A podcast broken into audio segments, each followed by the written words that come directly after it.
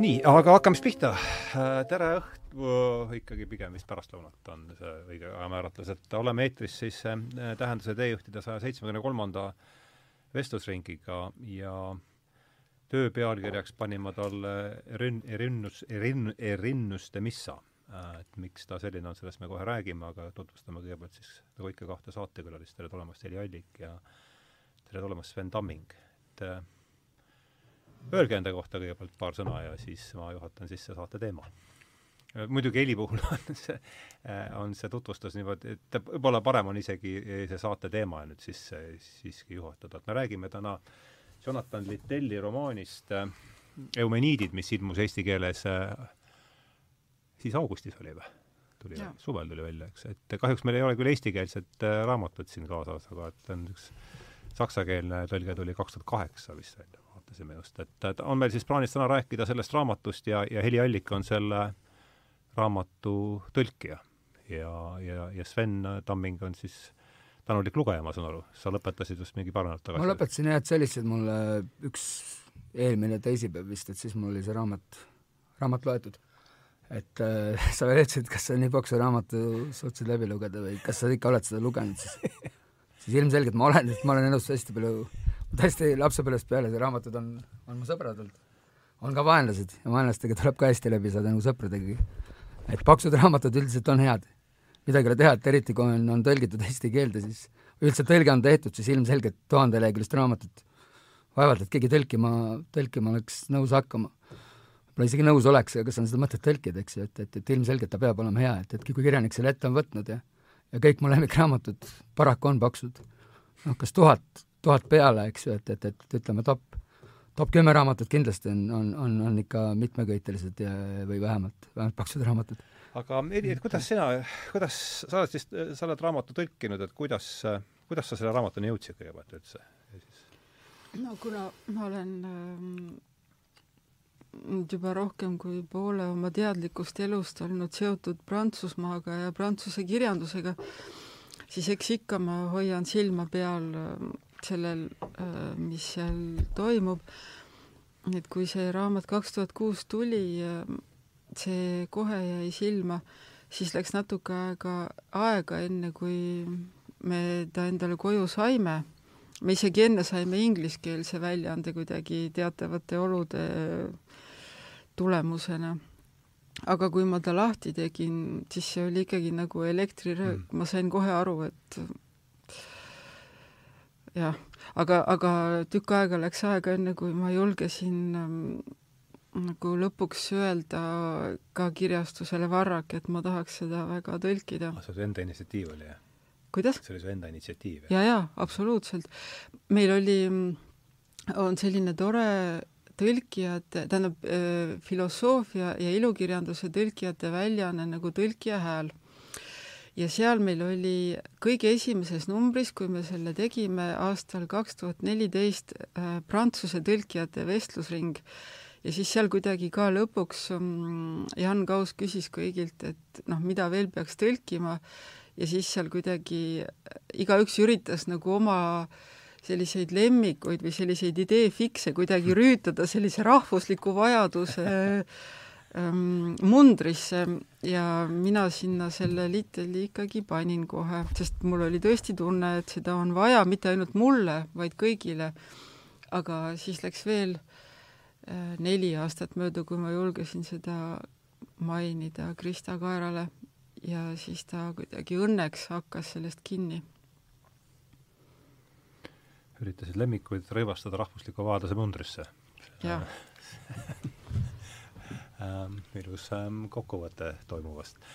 aga sina, äh, Sven, kuidas jõudsid äh, raamatuni ma...? trepi peal rääkisime kuna ma loen päris palju ikkagist, ma arvan keskmisest äh, ikkagist rohkem, ma tahan, et keskmist inimest ja keskmine on üldse selline väga, väga väga abstraktne mõiste ja ei sobi tegelikult mulle endale, positsioneerimine oli minu teema, ütleme mm -hmm. ausalt, et, et mulle see, mulle see on niisugune poliitiline pigem, pigem, pigem lähenemine asjadele, et kuna ma loen palju, siis ma pean ikkagist eh, mingeid valikuid tegema mingitel hetkedel.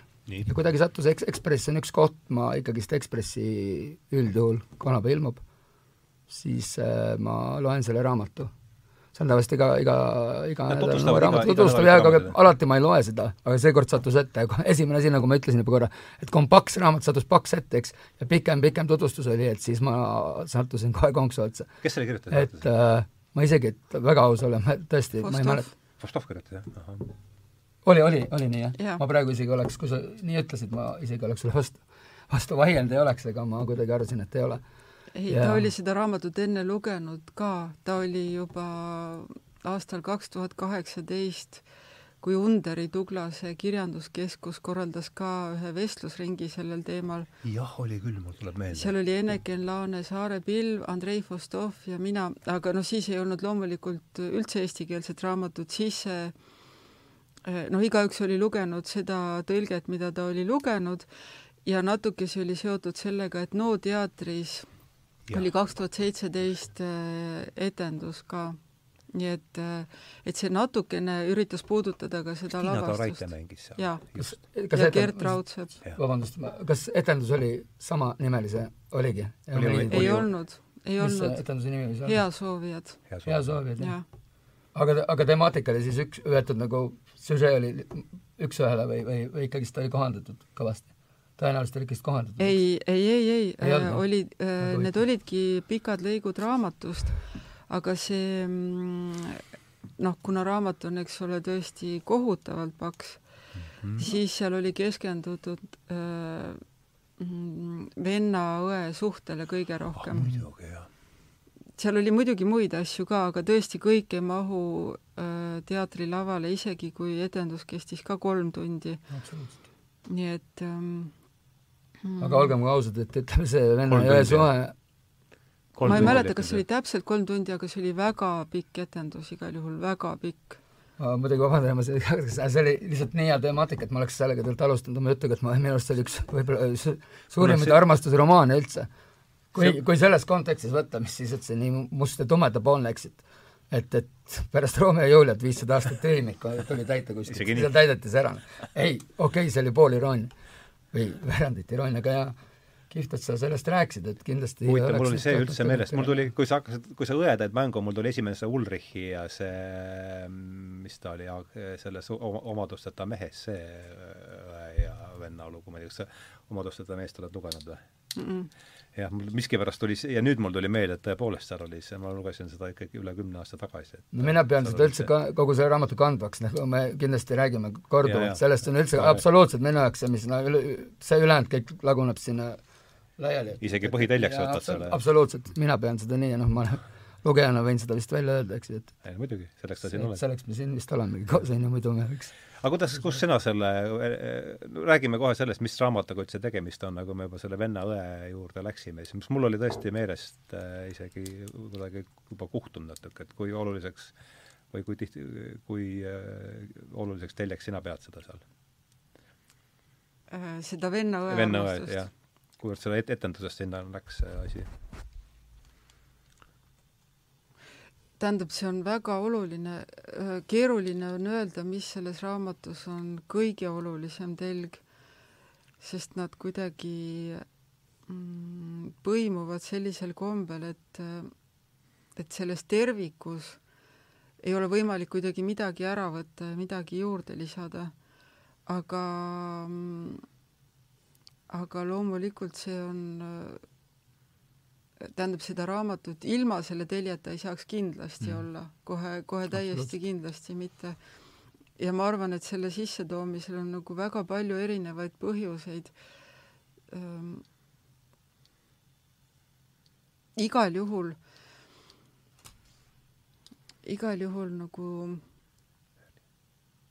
mm, seda mida äh, minu meelest Littel tahab kõige rohkem öelda selle raamatuga või nagu prantslased ütlevad Littell ikkagi, sest ta on ju ka prantsuse kirjanik mm,. seda ei saaks ilma, tõesti ilma selle vennaõe teemata ega kaksikute teemata kuidagi öelda, aga, aga kuna kõike ei saa ühte lausesse mahutada mm., siis ikkagi nagu kõige olulisem äh, on minu meelest see, et ähm, et imukad on inimesed nagu meie ja me kõik oleme inimesed nagu meie mm. -hmm. jah, see on no see on hästi oluline see on kohe see raamatu ka alguses selle välja toodud, et see see on nüüd asjas ka üks teine tuum, eks ju, mis, see peab nagu laialdasem, veidikene veel valgum, aga mis on väga-väga oluline. et kui me lähtume just peategelase, peategelase nagu vaatest. jah, see tsitaat, mis mul on, mida ma saatsin, see on, mul ei ole ta siin praegu käepärast, aga et kui seal on elus vedanud, et sa ei pea tapma mitte ainult, et see ei tapeta sinu naisi ega lapsi, vaid sa ise ei pea tapma teise naisi, teiste naisi ja lapsi, siis mine, kuidas see oli, et mine rahus ja täna Jumalat, et sul on lihtsalt rohkem vedanud kui mul, aga see ei tee sind paremaks kui mina, oli vist see midagi sellist, see, eks. see oli kohe eessõnas, ma mäletan. Ja muidugi raamatus on kohe üsnagi alguse poole peal, suutsin kuidagi selle, ma mul raamatut, raamat jäi autosse, mul on, on, on mõned märkmed tehtud siia telefoni. väga kihvt lause, et Plaat-, Platoni tekst oli seal üks Platoni lause, ta, see oli peategelane oli ise selle välja toonud mingi Nii. üsnagi alguse poole peal. et iga tegevusega on see nii, et iseenesest pole see ilus ega inetu, eks ju. ja sealt ma kohe liikusin edasi, minu arust oli see Terentius, kes ütles, et olen inimene miski inimlik pole mulle võõras, vaata need kaks, kaks lauset nagu kokku panna, et siis annab mulle põhiliselt sellise sellise lähenemise sellele, et ma saan seda raamatut nagu lugeda nii, nagu ma loen, eks ju, et, et on okei okay.. aga me oleme siin nüüd selle raamatu ümber nagu keert tiirelnud nagu palava pudru, et mis raamatuga meil siis tegemist on, minu meelest seal Varraku leheküljele, Varraku leheküljel on ilusti öeldud, et see on nagu teise maailmasõja, teise maailmasõja tingimustes, oludes pandud Odüsseia, et et ma ei tea, kes selle teksti kirjutas, aga see võttis, esimene lause tundus täitsa haakuvalt sellega, mida mina lugesin, et äh, andke palun kumbki oma pilt, pildike sellest, et mis raamatuga on teie arvates siis tegemist. No eks ta selles mõttes ju mm, ka sellist äh, Odüsseia vormi kordab, et äh, see peategelane noh, kuigi raamat on väga mahukas, aga see, et ta jõuab sattuda praktiliselt kõikvõimalikesse olukordadesse teise maailmasõja jooksul, see peaaegu on üleinimlik mm, -hmm. et sealt tekib talle, ühest küljest see on nagu tõesti lihtsalt nagu selline pikk reis selline füüsiline pikk reis, aga sealt kuskilt otsast tekib talle ka selline mütoloogiline mõõde, et noh, et kuigi Toomas siia ütles, et see ei ole mm, see ei ole väga tõenäoline, aga et see ei ole ka võimatu, et üks SS-lane niimoodi liigub äh,, kui me seda raamatut loeme, siis kirjandusena see on usutav mm. -hmm. ja, ja, ja sealt tagant hakkab rääkima mingisugune hääl ka aegade põhjast mm. -hmm. see on nagu palju rohkem kui, kui lihtsalt SS-lane, kui lihtsalt äh, keegi mees, kes oli sõja ajal kolmekümneaastane, et see on meie, meie kõigi hääl kuidagi, et noh, on jah, Odüsseia ka natukene kuigi seda Odüsseia kujundit muidugi natukene on kuritarvitatud Aha. ka, selles mõttes, et iga teine asi on Odüsseia. seda küll, see on õige. ja aga no põhimõtteliselt hakkab ju pihta, raamat hakka-, esimesel leheküljel on see, kui Saksa väed tulevad üle Bresti juures üle on see Pugi jõgi või mis äh, Pugi jõgi ja ei, see ei ole esimene lehekülg. esimene lehekülg Aa, on Vennad lehe... Ligimesed ja see on hoopis teine asi. ja, ja, õige, õige, see, on jah, see, no see on ees, aga ütleme siis eessõna. kui ta läheb sõjast ja, tagasi, siis, siis, jah, õige, õige. ja huvitav on see, et ta ei jõua kunagi, ma lugemise ajal ootasin, millal ta ikkagist raamatu lõpus jõuab tagasi sellesse samasse kohta, kus ta alustas, see eessõna. tegelikult ta ei jõua sinna enam tagasi, eks ju, et selle, ta ju kirjeldab sellest, kuidas ta juba viiekümnendatel aastatel oli tagasi Pariisis, eks. Või Prantsusmaal, kas nüüd Pariisis või Prantsusmaal, eks. ja mis elu ta elab, ta ju lõpuks äh, saab läbi teatud tee sinna ühe tuttava töösturi juurde kaasosanikuks, siis lõpuks direktoriks ja siis ta ju kirjutab seda, kui juba kui koda-, ja pitsivabrik, ta kirjutab ka kodanlane, eks ju, ta oli, ta on veel abielus olnud, tal on laps, tal on vist minu teada isegi lapselaps, seda ma kuskilt küll, küll vist arvustust lugesin, laps on tal kindlasti, eks, ja naine, keda ta muidugi ei armastanud, eks, seda me jõuame kindlasti läbi rääkida, et raamatu põhjal on, on see ka see koht, miks see, see kõik nii on, aga, aga jah, et see, sinna, sinna ta enam tagasi ei jõua. see esimesed kakskümmend lehekülge, kus ta, kus ta alustab oma seda memuaari, eks ju, et ta peab kirjutama, siis ta veel ühe korra hästi kihvtilt kirjutab, et, et ta loeb ühte teist kirjanikku, kes omakorda kirjutab sõjast oma nägemuse. tema jaoks on hästi nagu selline noh, igavalt dramaatiline, eks ju, natuke liiga poeetiline selline, noh, tema jaoks odav selline väljapääs sellest, et, et, et ja siis ta otsustab ise kirjutada nii, nagu tema nagu.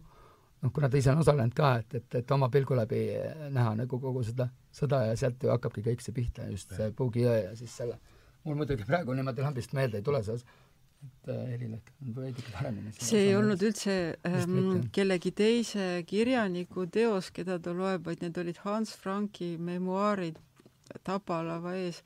Ja, ja see, mida ta äh,, mida ta tahtis öelda, on see, et ta ei hakka ealeski tegema selliseid nõretavaid kahetsusi, nagu need natsid, kes siis olid ähm, noh, kinni võetud ja kes ootasid oma kohtuotsust või kuidagi mm, kas nad tundsid päriselt süümepiinu või siis nad arvasid, et nad pidid neid kuidagi etendama, aga seal üks ja teine kirjutas äh, raamatuid, ka Höss kirjutas mingisuguseid selliseid ähm, noh, vagasid raamatuid äh, ja, ja Max Aue tahab öelda, et, ähm, et ta ei taha teha seda.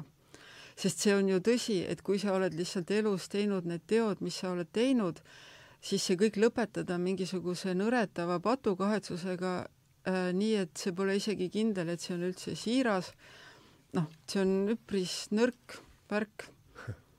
et äh, kui sa oled seda juba teinud, siis sa oled seda juba teinud mm. -hmm. nagu raamatu keskel on ka üks koht, kus ta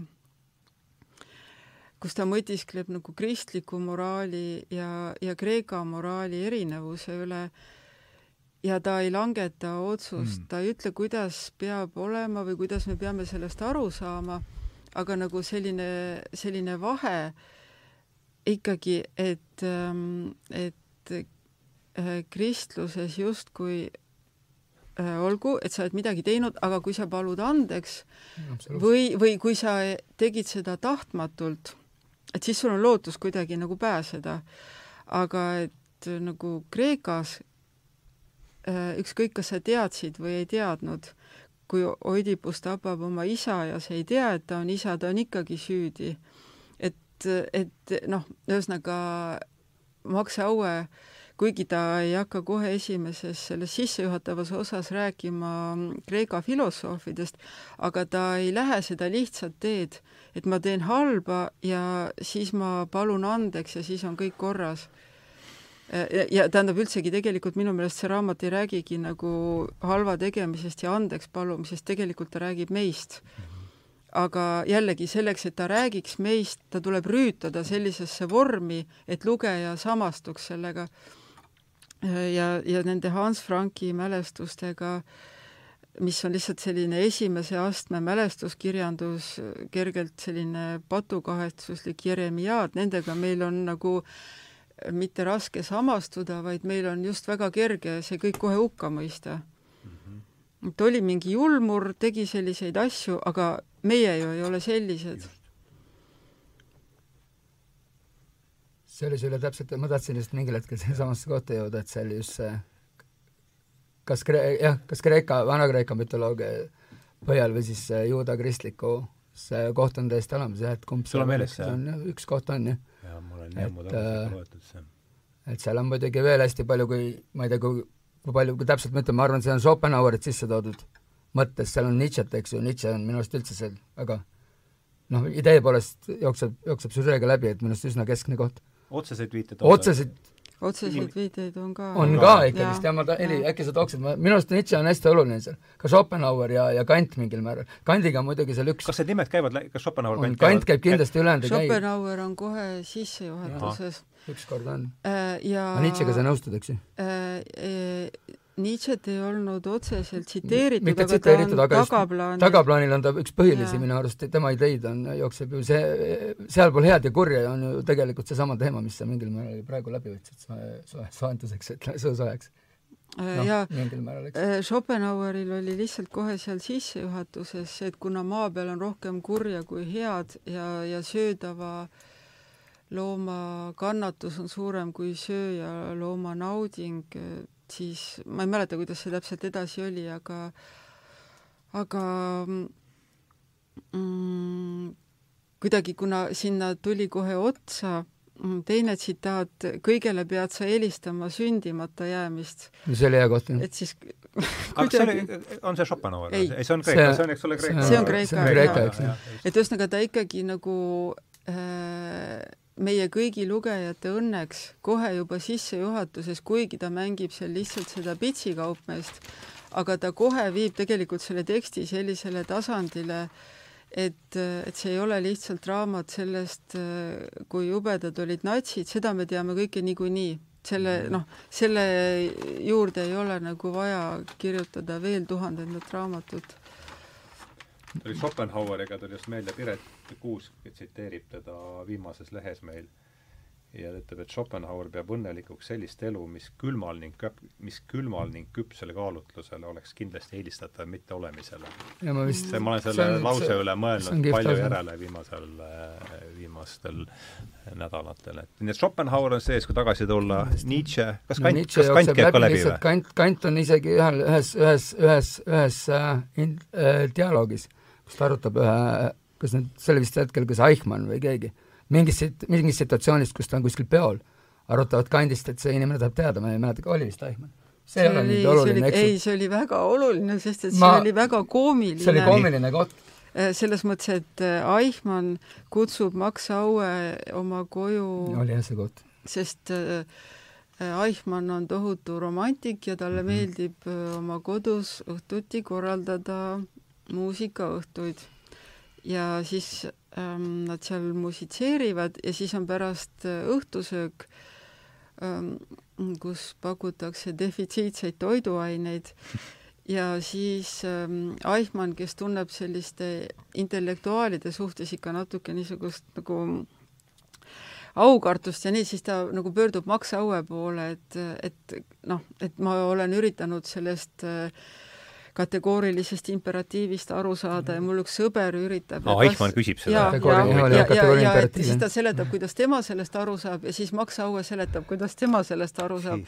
siis on väga selline pikk dialoog ja siis pärast Max Aue läheb koju siis ta mõtleb, et ma ei teagi, miks ma lasin sellest kõigest ennast kuidagi kaasa mm -hmm. vedada, et tegelikult ma rääkisin sellele vaesele, vaesele Auchmannile, Eichmannile nagu, mis sülg suhu tõi, et tegelikult ma ei tea sellest kategoorilisest imperatiivist nagu mitte midagi. ühesõnaga, jällegi selle raamatu suur tugevus on see, et et need, need, need inimesed kogu aeg pannakse märkamatult sellisesse täiesti grotesksesse koomilisse positsiooni, et, et, et selline Eichmanni selline noh, rumal karjäärihimu ja selline nagu Littell ise on öelnud ühes intervjuus, see ei ole raamatus, aga et tal ei olnud isegi nagu konkreetselt mingit juudi viha ega üldse mitte mingit viha, ta oli lihtsalt äh, oportunist ja et tänasel päeval ta oleks õudselt hea äh, näiteks äh,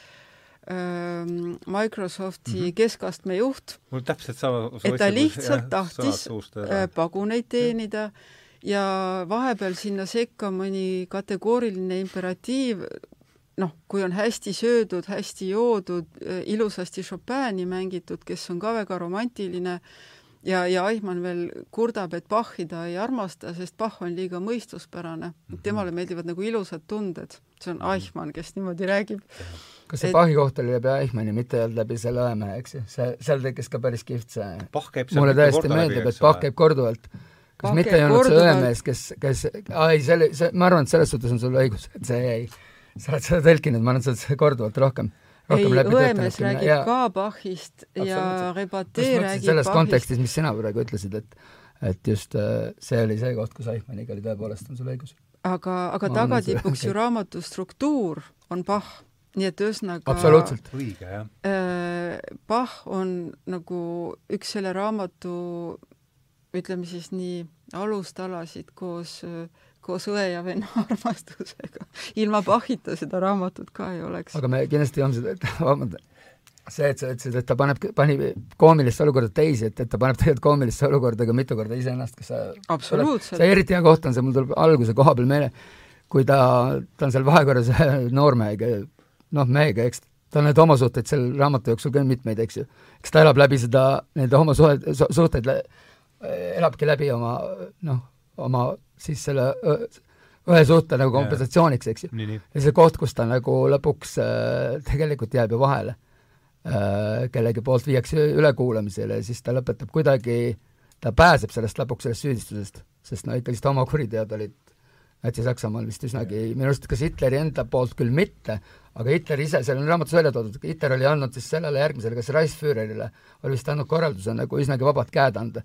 ja siis tema oli nüüd üsna see homo, homo selline vastane, eks ju, ja siis ta mingil, mingis situatsioonis seal päris ilusti oli välja toodud, sul oli hea tõlge seal, kuidas ta seal toimetas ja möllasid seal. ja siis äh, muuseas ta vahele ei jäänud üldse selle, selle koha pärast, aga kuidagi ta jäi vahele järgmises situatsioonis ja siis ta oli isegi ülekuulamisel ja siis ta lõpetab selle, kuidagi kogu selle ülekuulamisjutu sellega, et sealt ma lahkusin kuidagi, et, et sperma oli veel kannikate vahel või kuidagi, sa nii ma SS-i lahkusin yeah. perse peal spermatest. sest tegelikult see oli väljapressimine, ta oli tegelikult ju, ta võeti kinni ja, ja kuna ta ähm, ta oli selline kena, intelligentne noormees, kohe doktorikraadi kaitsmas, siis see tema hilisem parim sõber Toomas sai aru, et siin meil on võimalik ähm, SD liige, aga Max Aue alguses ei tahtnud sinna astuda ja, seal, ja see toimus väljapressimine, teda mm -hmm. ei lastud WC-sse ja teda ähvardati ähm, äh, noh, nende karmide karistustega, mis tol ajal mm, homoseksuaalidele olid mm. -hmm. ja, ja tõesti, see viimane lause selles lõigus see, oli meil arutamine toimetajaga tükk aega mm, et see sõna kü prantsuse keeles on tõesti vulgaarne, aga toimetaja alguses eelistas siiski äh, tagumikku, aga mul oli lihtsalt tunne, et see peab mm. olema täpselt nii karm ja nii groteskne, sest kui üldiselt see raamat on üsna sellises äh, ilukirjanduslikult neutraalses või isegi nagu kõrgstiilis mm, -hmm. et siis need, need kõige karmimad kohad või kui sa saad aru, et, et mina tegelase elus on mingisugused sellised nagu giljotiin langeb või -hmm. mingi selline pauk käib, et muidu ma keeletoimetajale üldse palju vastu ei punninud, aga selle koha peal mõtlesin, et kui saaks selle perse jätta sinna sisse. sul on hästi kihvtilt ütlesid praegu paar korda paaris kohas samamoodi, kui sa rõhusid, ütleb veel paar korda kas vittu või midagi, kasutab seda just nimelt vulgaarselt mingites kontekstides paar korda kogu raamatu jooksul. just siis, kui tal on tõesti seda vaja nagu rõhutada. just vulgaarsust, mitte seda, et nagu ja, ja Joosis on see ilmselge vajadus, see ei ole selline niisama rütmivahetus, rütmivahetus, eks ju, et sa ütled õieti, et Joosis on see nii vajalik selles selles osas, eks ju, et ta seda niisama ei, ei ütle. ei no rütmi ja, ja noh, see ka, et eks ju kogu see, kogu see mm, äh, kogu see kogu see SS-i kultuur, kõik see Saksamaa selline ornung, kõik need kaunid kunst, kunstid, kogu see asi nagu üritab tohutu jõuga olla kuskil nagu pinna peal hoida mingit korda mm -hmm. ja, ja tegelikult ju aeg-ajalt volksatavad välja need sellised hoopis tumedamad alateadlikud äh, asjad tema seest, mis tegelikult struktureerivad kogu tema elu ja, ja, ja noh, mul on tunne, et, et neid sõnu siis sinna paar tükki raamatu peale tuleb sisse panna, seda, seda tugevamalt nad mõjuvad.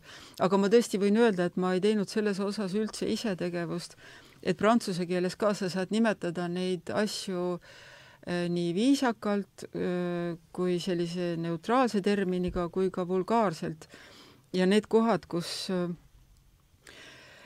kus need vulgaarsed sõnad sisse tulid, nad tõesti olid raamatus ka sellel kohal aga no üks teine nagu hästi tugev koht oli ka seoses selle Helenega, keda ta ikkagi peaaegu üritab armastada. tahtsin seda peaaegu armastada. kas Helene on nüüd, oli tõde või? ei, Helene oli, äkki, Helene oli tal, tal tekkis seal raamatu keskel ühes kohas tekkis, kui ta käis selle Toomasega. mis see õe nimi oli?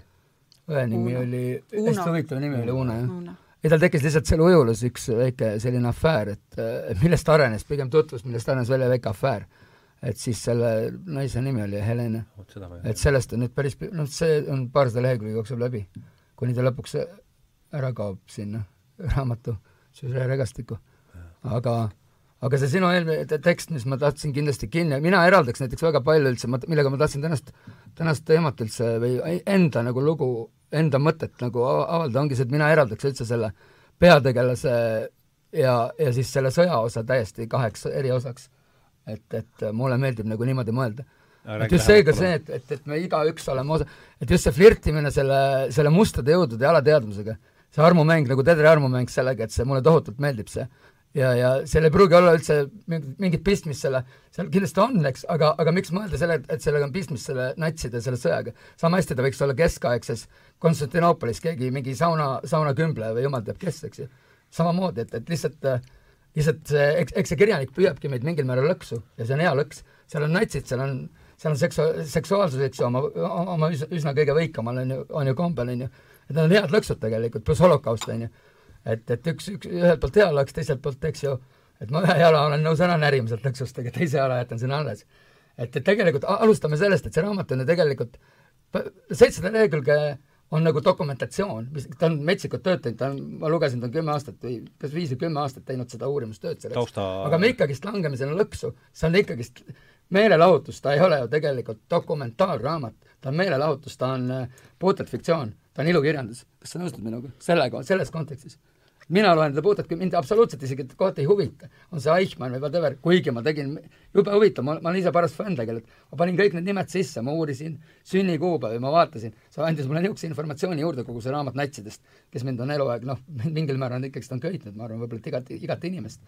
aga mulle andis nagu päris hea info pagasi juurde, ma juba panin kogu aeg, mul oli Viki kogu aeg lahti. ühe käega olin raamatus, teise käega Vikis. mõnikord läks, lugesin ühte lehekülge kümme, kümme, kakskümmend 20 ma arvan, äh, minutit lugesin ühte lehekülge, tänu nendele, et ma panin jälle sisse ja, kõige huvitavam, mis välja tuli, ma olen paras astroloogia fänn ja tegelikult ma usun sellesse, okei okay,, see on hoopis teise, teise saate teema, aga teate seda huvitavat fakti, et see peategelase sünnikuupäeva ühtib, ühtib, ühtib siis Litalli kuupäevaga, ehk siis kümnes oktoober tätkult kaalutäljest alla ja see on huvitav. kas see on kümne, ta ütleb, et tema sünnipäev on sama? ja ta, seal raamatus on kaks korda ta vähemalt korra on kindlasti, minu arust on kaks korda sünnipäev, kümnes no, oktoober. mis, kas see jäi sulle, kas see sulle ka silma või? huvitav, kas Heli, Heli, Heli on selle tähelepanekuga, kas ta pani seda tähele? Äh, jaa, ja ega Littell ei ole üldse varjanud, et ta väga palju asju võttis ka enda elust mhm. mm. -hmm. loomulikult nagu transponeerides, aga, aga ta on seda mitu korda öelnud, et ta võttis selle ajaloolise materjali mm, siis ta võttis oma elu, sest noh, mis sul ikka muud võtta on, sul on oma elu, siis lisas sellele selle mütoloogilise dimensiooni ja siis pani selle kõik sellisesse kirjanduslikku masinavärki. Ja, ja nagu ta ütles, ta oli ise ka üllatunud, mis sealt lõpuks välja tuli, et ta alguses ei aimanud, et see sinna läheb. Ja loomulikult tähendab, ma ei nimetaks seda meelelahutuseks, aga ilukirjandus ja, on ilu, see absoluutselt ja, ja see ei ole mitte mingil juhul joonalused viited ei ole siin. Ma... see, see ei ole mingil juhul ajalookirjandus, kui ta oleks ajalookirjandus, siis ei oleks tast mingit tolku. Äh, sest ähm, tähendab, no uurimistöö on väga võimas. Prantsusmaal mm, küll paar viga leiti no kindlasti. kui sa teed, kui sa kirjutad tuhat lehekülge, siis ma arvan, et anna, anna, anname talle andeks. ja Toomas Hiio leidis ka paar viga. Äh, aga see oli isegi väga tore, sellepärast et mm, et kui ma ka noh, mõnda asja autori enda käest küsisin, siis mõne asja peale ta ütles, et jah, parandage ära, aga siis mõne koha peal ta ütles, et ei, kui see on viga, siis las see olla viga, et äh, see ei ole üldse tähtis ja mm, no ühesõnaga, kõik tõlkijad teavad sellist um, lugu, et kunagi um, Flaubert, kui ta kirjutas Madame Bovary, ta tegi seal um, ühe temperatuuride nagu ümberarvestamise vea, et on meil need Fahrenheitid ja, ja. siis on see teine süsteem ja, ja siis uh, seal on nagu täiesti groteskne viga ja kõik maailma tõlkijad on selle kaasa võtnud, kuigi kõik saavad aru, et ta paneb seal arvutustega täiesti mööda ja ta ütleski, et, et teil on valik, et kas te tõlkijana parandate ära või, või teete te nagu nagu vari ja mulle kohutavalt meeldis see suhtumine, et ta ei lähe nagu üldse närvi, kui mingisugused ajaloolased või tõlkijad kuidagi seal midagi ühe mingisuguse täpikese pärast ähm, tohutult erutuvad. jaa, näe, tegi vea. no et õudselt mõnus on ja. ju, et noh, et mina leidsin üles. mina leidsin üles, et, et küsimus ei ole üldse selles ja teda ei huvita see absoluutselt mm. -hmm et see on ilukirjandus ja see on ainult ilukirjandus, kuigi tõesti äh, üle teise tegelase äh, oli näiteks minul ka see, et äh, seal jälle kirjeldatakse, et Blobelil on selline raisakulli meenutav pea, mis kuidagi tuleb kuskilt äh, mundrikaelusest välja ja tal on selline konguv nina ja nii edasi, siis ma ikkagi nagu ei saa päris hästi aru, et milline. no ja siis ma taon internetti Paul Blobel, siis see tema Nürnbergi vangla pilt hüppab mulle ette ja ma kohe oskan teda mm -hmm. äh, nagu kirjeldada või siis see koht, kus kes tema oli, vot see nimi ei ole mulle meelde jäänud, mis äh, tema on seal päris äh, alguses Einsatzgruppe ülem, see Aha. ülem, kes äh, läks praktiliselt umbes juba kolmekümnendal leheküljel nagu hulluks. ta hakkas märatsema, see oli see, kui nagu tegelikult need mm, SS-i tegevus oli alles seal Ukrainas nagu alguses. Ja see äh, väike fakt alguses, et SS-i meestele, kes olid läinud pahaaimamatult Ukrainasse, oli antud käsk tappa mitte ainult ähm, rahvavaenlasi nagu noh, nende suhtes, vaid ka ähm, naisi ja lapsi. see tegelikult äh, juba nende ülemale mõjus nii, et ta äh, jah, ta läks hulluks, ta viidi mitmeks nädalaks hullumajja aga no siis ta tuli ikka tagasi, ta oli kogu aeg purjus, ta kogu aeg nagu surus seda kõike endas nagu alla, aga ta ikka nagu tegutses edasi. Äh, ja, ja näiteks see koht, kus äh, see on ka seal päris alguses Ukraina osas, kus on see Babi Yari massimõrv ja ja, ja siis ähm, on üks väike tüdruk, äh, kes äh, seisab kuidagi üksinda selle jääraku äärel äh, nagu eksinuna ja siis Max Aue küsib ta käest, et tie mama ja siis see väike tüdruk näitab Nähtab näpuga alla. sinna alla ja siis äh, Max Aue võtab tal käest kinni ja viib ta ühe eestlase juurde, ütleb, et äh, et tee temaga korralikult see juba oli piisavalt õudne tõlkida, aga eriti õudne oli see, et ähm, et raamatus esineb ka tegelikult tegelane Häfner ja äh, tema tunnistused Nürnbergi ajast on ka internetis üleval ja see oligi päriselt tema lugu, et ta rääkiski, et meil kästi lasta maha ka naised ja lapsed ja et minu mehed alguses tõrkusid, siis ma üritasin selle mm, ülesande kuidagi nende Ukraina äh, abiliste kaela sokutada, noh, need, keda raamatus nimetatakse askariteks mm -hmm. ja mhm. hiivideks, ja nemad ka tõrkusid ja ühesõnaga äh, no siis ta kirjeldab, et lõpuks siis äh, nad viidi kõik metsa ja sealt kostus lask ja nii edasi, ühesõnaga, et see kõik on ka päriselt olemas see ähm, nagu üle lehekülje mm, mis seal raamatus on, selle nüüd leiab internetist, sellel ajal, kui Littell kirjutas, veel internetti ei olnud, nii et tema tuhnis arhiivides. aga nüüd need fotod, mm, tunnistused, kõik see on olemas. nii et see on nagu puhas ajalugu, aga samal ajal see kuju, kuidas see on raamatusse jõudnud, see on ilukirjandus mm., sest temaga on tehtud juba teatavaid asju ja see, mis sa ütlesid, see mütoloogiline kiht, see elulooline kiht, ajalooline kiht, see on ikka ja ka või... muusika. sest muusika me loeme hoopis teistmoodi raamatut, mille alapealkirjad on süüdi alapealkirjad kui see näiteks, et esimene juuli tuhat üheksasada nelikümmend kolm, kaksteist august tuhat üheksasada nelikümmend viis, see paneb ta ka hoopis teise perspektiivi. aga Sven, mis, ütleme sul lugejana, millised on, ütleme, kolm episoodi, mis sealt või esimene episood või? Alust... mis sul sealt, äh, ma pärast räägin, mis mul meeldib. ma lihtsalt alustaks sealt, et ma, päris huvitav oli pärast Helit nagu liikuda, Heli rääkis just nagu pigem pigem nagu sõja osast ja mis, mis ei ole mitte vähem tähtis, aga pigem mina nagu tohutult, miks ma, miks, miks ma üldse seda raamatut kiidan nii väga, kuigi mul lemmikraamatud selle kõrval, mul, kui sa nimetaks top kümme raamatut, kindlasti seal on hästi palju sõjaraamatuid, eks. Seal on mu lemmikraamat võib-olla üldse on Norman Maileri Alasti ja surnud, eks ju mm, -hmm. mis, äh, mille, mille, mille, mille, mille autor Norman Mailer oli täiesti segane inimene.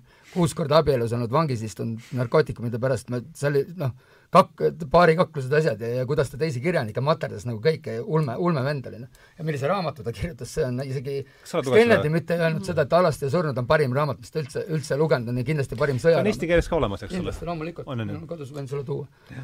ja aga mille, mille, mida, mida, mida, millest ma tahtsin jätkata, on just need, äh, kui see on see sõjaosa, siis mind paelus meeletult just need meeletud delirioossed äh, need unenäolised tekstid, mis loomulikult ma täiesti aimasin, et ta ehk, ehk, ehk on Litelli nagu lemmikkirjanike seas ka minu, minu kirjanike, selle stiili kirjanikke, kes on samamoodi, loomulikult William Burroughs, eks, kes kirjutas alasti Lõunaine, eks ju, see on meeletu, meeletult üks parimaid, parimaid tekste, kuidas saab samamoodi seda rütmi, seda hullust, seda täielikku, täielikku nagu põrgut, armumängu selle kõige hullemate alateadvuse põrguga, eks ju on, on, on üks kirjanik ja, ja ja siis teine oleks, teise ta võttis, teine, teine on tal kindlasti veel olemas, mul ei tule selle nimi meelde, et, et äh, need kohad muidugi, see lõpp, mis on see viimased äh, üks kolmkümmend lehekülge järjest, kui ta, kui ta, kui ta läheb sinna õemajja, õe maha aetud majja, et, et, et, et kas sul ei ole see lõpukoht meeles, kui ta läheb sinna õemehe maha aetud majja, enne seda, kui see nüüd täielik lõpp tuleb, eks ju, et ja seal ta hakkab nagu äh, ah, seal tal tuleb see deliirium peale, kui ta ja. hakkab selle, selle õe järele meeletult, tekib, tekib see hullumine igatsus, eks ju, see iha, see toores iha, selline noh, miks ma nimetasin seda üldse suurimaks armastusraamatuks, see oli see tekst, mis sealt tuli, see oli, see oli fenomen, noh, vot siis ma mõtlesin, et see on tõesti parim asi, mida ma olen lugenud üle pika aja, noh, või mida ma üldse elus võib-olla olen lugenud. see, kuidas ta nende vähkleb nende linade vahel, kuidas ta ta, seal tuleb seda natuke seda Freudi teemat, kuidas ta roojab, kuidas ta kas see on nüüd Berliinis juba või? ei, see on, see on kuskil Pommerimaal, neil on üks mõis. mõis, üks maa, mõis, eks mm. -hmm. mida maha, jah, seal vist koduteene on sinna küll alles jäetud. see, kuidas ta käib mööda neid äh, keldreid ringi, joob seda ülikallist veini, laseb endale seda veini, peseb ennast selle veiniga, pöördub mööda voodeid, kuidas ta roojab, ma ütlen, seal tuleb natuke seda Freudi teemat sisse, eks ju, ja aga üldse see kõik see, see teadvuse vool, see, kuidas see kirjeldatud on, eks ju, see on noh, ma ütlen, ainult see Borroksi alaste lõunaine, mis nagu, mis saaks sellele vastu, võib-olla on noh, küll see natuke, ma ei oska võrrelda, nii mõttetu, eks ju, sest see noh, on ka minu jaoks, mulle, mulle tohutult see, see tants selle ja see, see flirt selle alateadvuse niisuguse pimeda poolega, selle põrgu, põrgu, põrgu, põrgu poolega, see on see teema, mis, mis, mis on ka minu enda sees, eks ju, nii, nii sügavalt sisse nagu kasvanud, et, et kõik, kõik, kõik, mis, vot see on see, mis tõmbas mind täiesti nagu konksu otsa. ja ma olen täiesti noh, super tõlge, et, et, et ma muidu seda, seda on väga, see on see koht, kus ilma tõlketa ma seda vist ei oleks lugenud, eks mul tuleb meelde see Stalin, see Stalingradi unenägu, sa saad ju ka tükk aega aru, et saksa keele vahendusel ka, et mis siin mm -hmm. üldse toimub ja see oli ju mingi kahekümne kolmekümne kilomeetri muidu, ega ma kavatsen selle, see on üks koht, kas äkki sa, Heli, saad, saad mind selle koha pealt aidata? ega ma rohkem vist seda peale sinu kuskilt, ma nüüd ei saa aru, mingil hetkel kaob see nagu tegelikult mul järg käest seda ära, millal tekib, millal kaob see reaalselt, noh, kui me hakkame lõpus, lõpus mõtlema seda, selle olukorra üle millal kaob see reaalne ära, millal hakkab see unenägu pihta, see tegelikult see, või see ulm, mis seal on. kas sa mõtled mis sa rääkisid, aga see on ju ulme tegelikult, noh, et millal see nagu lõpeb tegelikult, me ju tegelikult seda vist teada päris ei saagi või? seda hakkab, nii palju kui ma saan aru, ta läheb sinna lõpp on justkui arusaadav, aga algusest ei saa aru. ei no algusest ta keskelt saab ju kuuli pähe, eks ju. ja sealt ta langeb sinna, läheb sinna, hirmsasti tahab seda Volgat näha, on ju. ta, ta, see on, see on mitu korda varem ka läbi käinud, tahab hirmsasti Volgat näha ja siis ta lähebki sinna Volga äärde, aga siis kaob järg käest ära. sest ta läheb sinna, noh, ta kirjutab, kus ta läheb sinna jä, jäisesse vette ja ujub seal jää alt, no siis kaob nagu, ja muidugi siis läheb täitsa utoopiaks. mis kuradi asi siin nüüd toimub? kõrgematel nagu levelitel nagu noh, selle muinasjutuks kätte, okei okay,, see on võib-olla üks väheseid kohti, mis mul nii väga enam, see on natuke liiga seda muinasjutu niisugust, aga, aga okei okay,, see on ikkagist see on ikka mitukümmend lehekülge oli seda no, nagu, oli või? kakskümmend. kas, kuidas sa luge-, kas sa lugesid enne läbi ikka ja siis tõlkisid või hakkasid kohe otsast peale või kuidas sa see ei, tähendab, kõigepealt ma ju teadsin seda raamatut äh, vähemalt kümme aastat, nii et äh, ma ikka lausa mitu korda lugesin, ikka mitu korda. Mm.. enne kui tõlkima hakkasid? ja, ja, ja. mina ikka pigem käitun nii, jah, sest lihtsalt noh, see on nüüd puhtalt selline tõlkijate elu, aga aga tihti on nii, et, ähm, et mingisugune asi, mis on leheküljel kakskümmend kolm, mingi pisike detail, mm, on seotud millegagi, mis on leheküljel seitsesada kakskümmend kaheksa. Ja, ja noh, sa ei pruugi neid asju nagu õigesti tabada, kui sa ei mm, ei tunne teost. jaa, see ei, see ei kehti kõikide raamatute puhul, äh, on raamatuid just noh, eriti sellised põnevikud, mida võib-olla just ongi niimoodi lihtsam ja isegi parem tõlkida, et sa ei tea, sest siis sul on endal ka kogu aeg kohutavalt põnev, et mis nüüd juhtub. aga sellised keerulisema struktuuriga raamatud minu meelest nõuavad küll, et sa oled neid ikka mitu korda lugenud.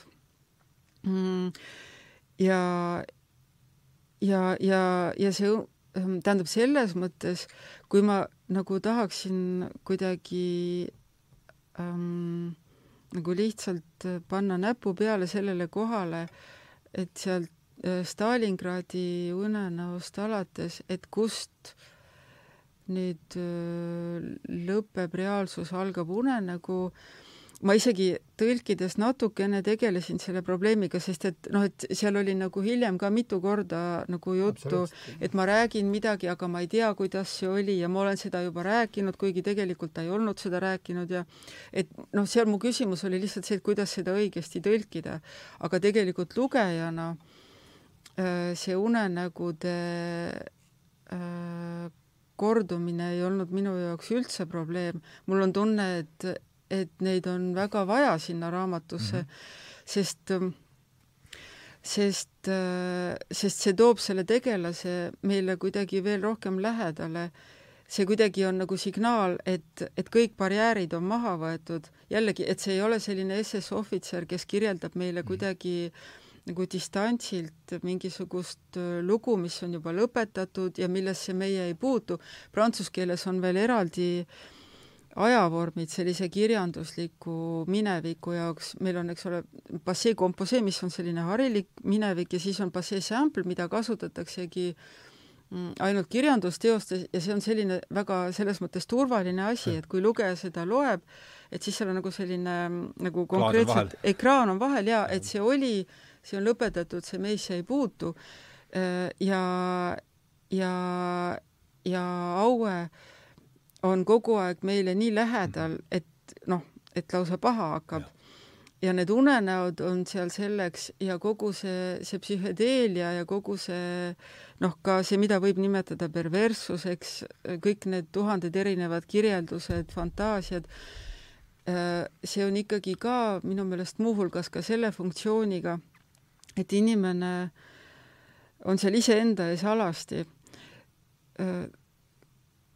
äh, no eks iga lugeja muidugi reageerib ka erinevalt, aga ma arvan, et ähm, et inimene ei ole nagu päris nii lihtne olend, et ta ärkab hommikul üles ja siis läheb, ma ei tea, Hansapanka tööle. no ma ei tea, teie vist töötasite kunagi Hansapanka, see ei ole hea näide, aga ühesõnaga ta ei ole ainult see, ta ei ole ainult see, see noh, see korralik ühiskondlik keha, kes käitub vastavalt äh, normidele ja kellel ei ole kunagi ühtegi äh, kummalist mõtet peas. Ja tähendab, üks asi on see, et mina võin siin nagu oletada ja võib-olla ma panen mööda, aga inimkonna ajalugu öö, on ju täis öö, näiteid sellest, et inimene teeb imelikke asju ja see imelikkus peab ju kusagilt tulema. ja terve see, mis juhtus Saksamaal Teise maailmasõja ajal, see ei ole ju see, et sakslased rahvusena oleksid kuidagi kurjemad inimesed kui teised, see on ju absurdne mõte. küsimus on ja. lihtsalt selles, nagu Littell on ka rääkinud, et äh, kui äh, äh, enamasti ühiskonnad saavad hakkama niimoodi, et meil on noh, meil on need seadused ja tabud ja mingisugused käsud-keelud, mis võivad küll närvi ajada, aga nad hoiavad meid kuidagi kõige hullemast.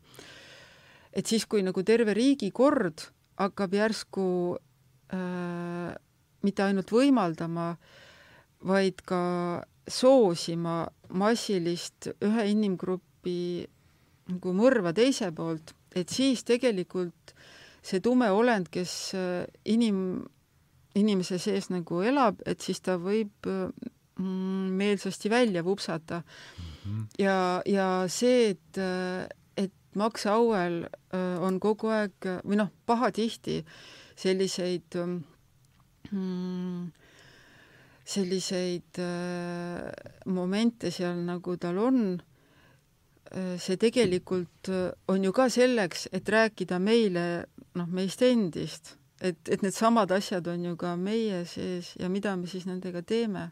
kuidas me teeme nii, et, et kui näiteks homme öeldakse, et Toompealt, et võtke, võtke püssid või võtke mingisugused ahjud või et kuidas me teeme nii, et me ei hakkaks seda tegema. et äh, kuidagi mina näen nendel nendel kõikvõimalikel nii-öelda kõrvalekalletel seal Max Aue elus ka seda funktsiooni nagu. Sa sobrasid märkmikku seal vahepeal? ai, ma sobran ikka vahepeal. mis sa sealt, mis sa olid kuule, ma midagi väga tark, aga ei, ma tegelikult võib-olla haagiks ennast korra, korra heli, heli selle eelmise nüüd lõigu mm -hmm. algusesse, see võib-olla jälle see minu nüüd lemmik, lemmikosa sellest, eks ju, nüüd ma lähen selle sõja poole peale ja pigem selle läks natuke alateadust välja, et Heli äh, väga hästi rääkis nüüd saks-, saksa rahvast, et tegelikult kust see üldse kõik hakkas, et ega tege-, tegelikult Hitleri tõus oli ju tegelikult jälle ulme, eks ju, et, et inimene, ta oli ju Esimese maailmasõja, eks ju, lihtne kapral, on ju, ma ei tea, ametitest kingsepa poeg või kes ta oli, et ta tegelikult Saksamaa oli ju äärmiselt kehvas seisus, on ju, vaata mis tingimustel pidi lahkuma sellest sõjast, eks ju, et, et, et, et saksa rahvas suutis üldse ennast äh, üks inimene suutis selle rahva niimoodi üles, üles tõsta, tegelikult see oli fenomenaalne minu arust.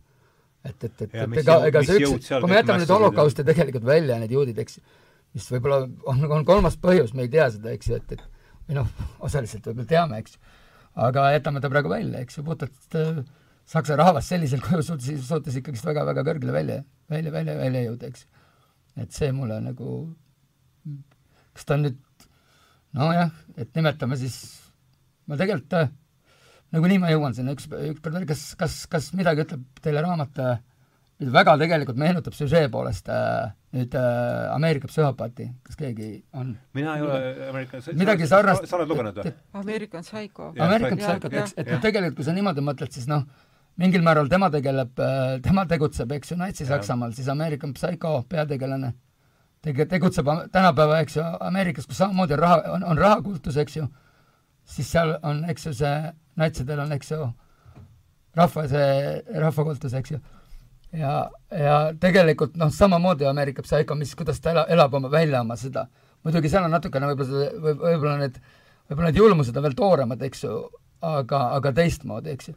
ja seal, on, aga väga, väga palju, mina, mina nagu tun-, film on nagu hästi palju nõrgem tegelikult, aga väga palju on nagu sarnast just, kuidas inimene, kuidas inimene moondub, kuidas see kõverpeegel hakkab, hakkab, hakkab neid neid äh, nägusid talle näitama tagasi, millisel noh, jõhkril ja kõige, kõige nagu rõvedam, mis Ameerika Psycho võib-olla seal on nagu kohad veel karmimad, eks ju, aga see ei ole üldse oluline selles. et tegelikult hakkame niimoodi mõtlema, tegelikult ega, ega on ta nüüd Natsi-Saksamaa või tänapäeva Ameerika, tegelikult ega seal väga, selles mõttes ta on mm. ikkagist, mina, mina ei näe seal üldse suurt nagu väga, kui holokauste poleks, siis ma ei tea, minu arust natsi, mul on see natsi teema alati mul ei ole nende vastu nagu selles mõttes ka podiseb mõlemal mina pool. podiseb täpselt mõlemal pool, mida ma tahan kuhu välja jõuda, võib-olla seda on praegu tänase, tänases maailmas on niisuguseid asju väga raske välja öelda, on ju. Mm. et noh, kõik on ju nii kallutatud. täna, täna on sellest lihtsam aru saada kui kaks tuhat kahe tuhande kuuendal aastal kõvasti, et katel, katel kõvasti podiseb. aga seda raskem on sellest ka praegu rääg-, iga asja, mida räägid, räägid natukenegi kallutatud, eks ju, noh, teistmoodi kui see kallutatud meedia, see üritavad sulle seda manifesteerida, siis on väga raske nagu inimestele otse, väga paljud sõbrad võib-olla ei räägi sinuga järgmisele juttu, kui, kui sa kui sa räägid asju natuke teistmoodi, kui nad on harjunud seda nägema ja kuulma ja tahavad seda näha ja kuulda, eks. see on minu arvamus, ma ei, kuidas kuidas sul on, kas see sugulus American Psychoga tuleb sul, see tundus, ma mõtlen, mina Psychost olen filmi näinud, et aga midagi, midagi sellist justkui äh, mingi hingesugulus neil raamatul justkui oleks või mis sa arvad? oled sa lugenud seda? Jaa, mm, aga mm, ausalt öeldes see nagu no ütleme võib-olla jah, nii palju, et mm, et inimene, kes on nagu sellises väga represseerivas ühiskonnas, et lõpuks noh, ta represseerib ja represseerib ennast ja siis lõpuks tal nagu löövad kõik korgid korraga nagu mm, kuidas selle kohta öeldakse, mis need korgid teevad, korgid? Löövad läbi või? jah, just. võib-olla nii palju äh, muidu mm,, muidu võib-olla mitte äh,, mitte nii väga äh, ahah, et see korkide aspekt on see, mis sa näed, et ta on ühine seal? ei no selles mõttes lihtsalt, et, et äh, aga mõtle, mõtle ma..., ei, sorry, et ma segan, aga mõtle esteetika peale, see on täpselt samamoodi nagu äh, natsid kuulavad seal, kuulavad Bachi, eks ju, arutavad Schoenbergi üle, eks ju, samamoodi tegelikult American Psycho, ta tegelikult jälgib alati, ta loeb absoluutselt tippkirjandust, ta loeb Dostojevskit, eks ju, ta vaatab, äh, kuulab neid plaadiarvustusi, ta arutab kolm-neli lehekülge järjest tipp, tipptasemel plaadiarvustust, kui, kui joob kõige kallimaid neid mineraalvett, siis tal on alati mingi, arutavad sõpradega kuuskümmend, seitsekümmend marki, mida nad peast teavad, a la neid tipp, eks ju, kõige kallimaid, neid mingi Evianit asju, et sealt edasi ja, ja just see esteetika jänu nagu läbi selle, et, et väga-väga palju sarnaseid kohti tuleb just, just noh, mulle kui lugejale, et et aga ma ei taha nüüd rafineeritud rafineeritud, absoluutselt, just nimelt rafineeritud julmus oleks võib-olla väga hästi sinna nagu praegu sõna, sõna, sõna kokku võtta selle, jaa. Ma ei tea, kas minu jaoks Max Aue esindab rafineeritud julmust, minu meelest mhm. tema üritas kuidagi, tal olid ähm, sellised sügavad äh, noh, maailmavaatelised probleemid ja ta kuidagi üritas noh, tänu oma perekonnaloole endale mingisugust sellist äh, identiteeti ja ideoloogiat kasvatada, mul on tunne, et Ameerika Psychol sellel, sellel selles plaanis nagu ei, ei olnud just, mingeid ambitsioone. ei, absoluutselt, ma just American Psychost rääkisin eraldi praegu, et ma siis noh, jätsin selle tagaplaani sulle siis pigem selle äh..., selle Eumeniidid. ma sattusin praegu korra sinna nagu, täitsa sinna süve sisse mm. -hmm. aga jätka okay., jätka. nojah, selles mõttes, et ta ähm, Max Aue mm, noh, kuna tema, eks ole, isa oli kadunud ja siis olid need äh, probleemid Prantsusmaa ja Saksamaa vahel olnud ka tema lapsepõlves kuidagi juba kohal.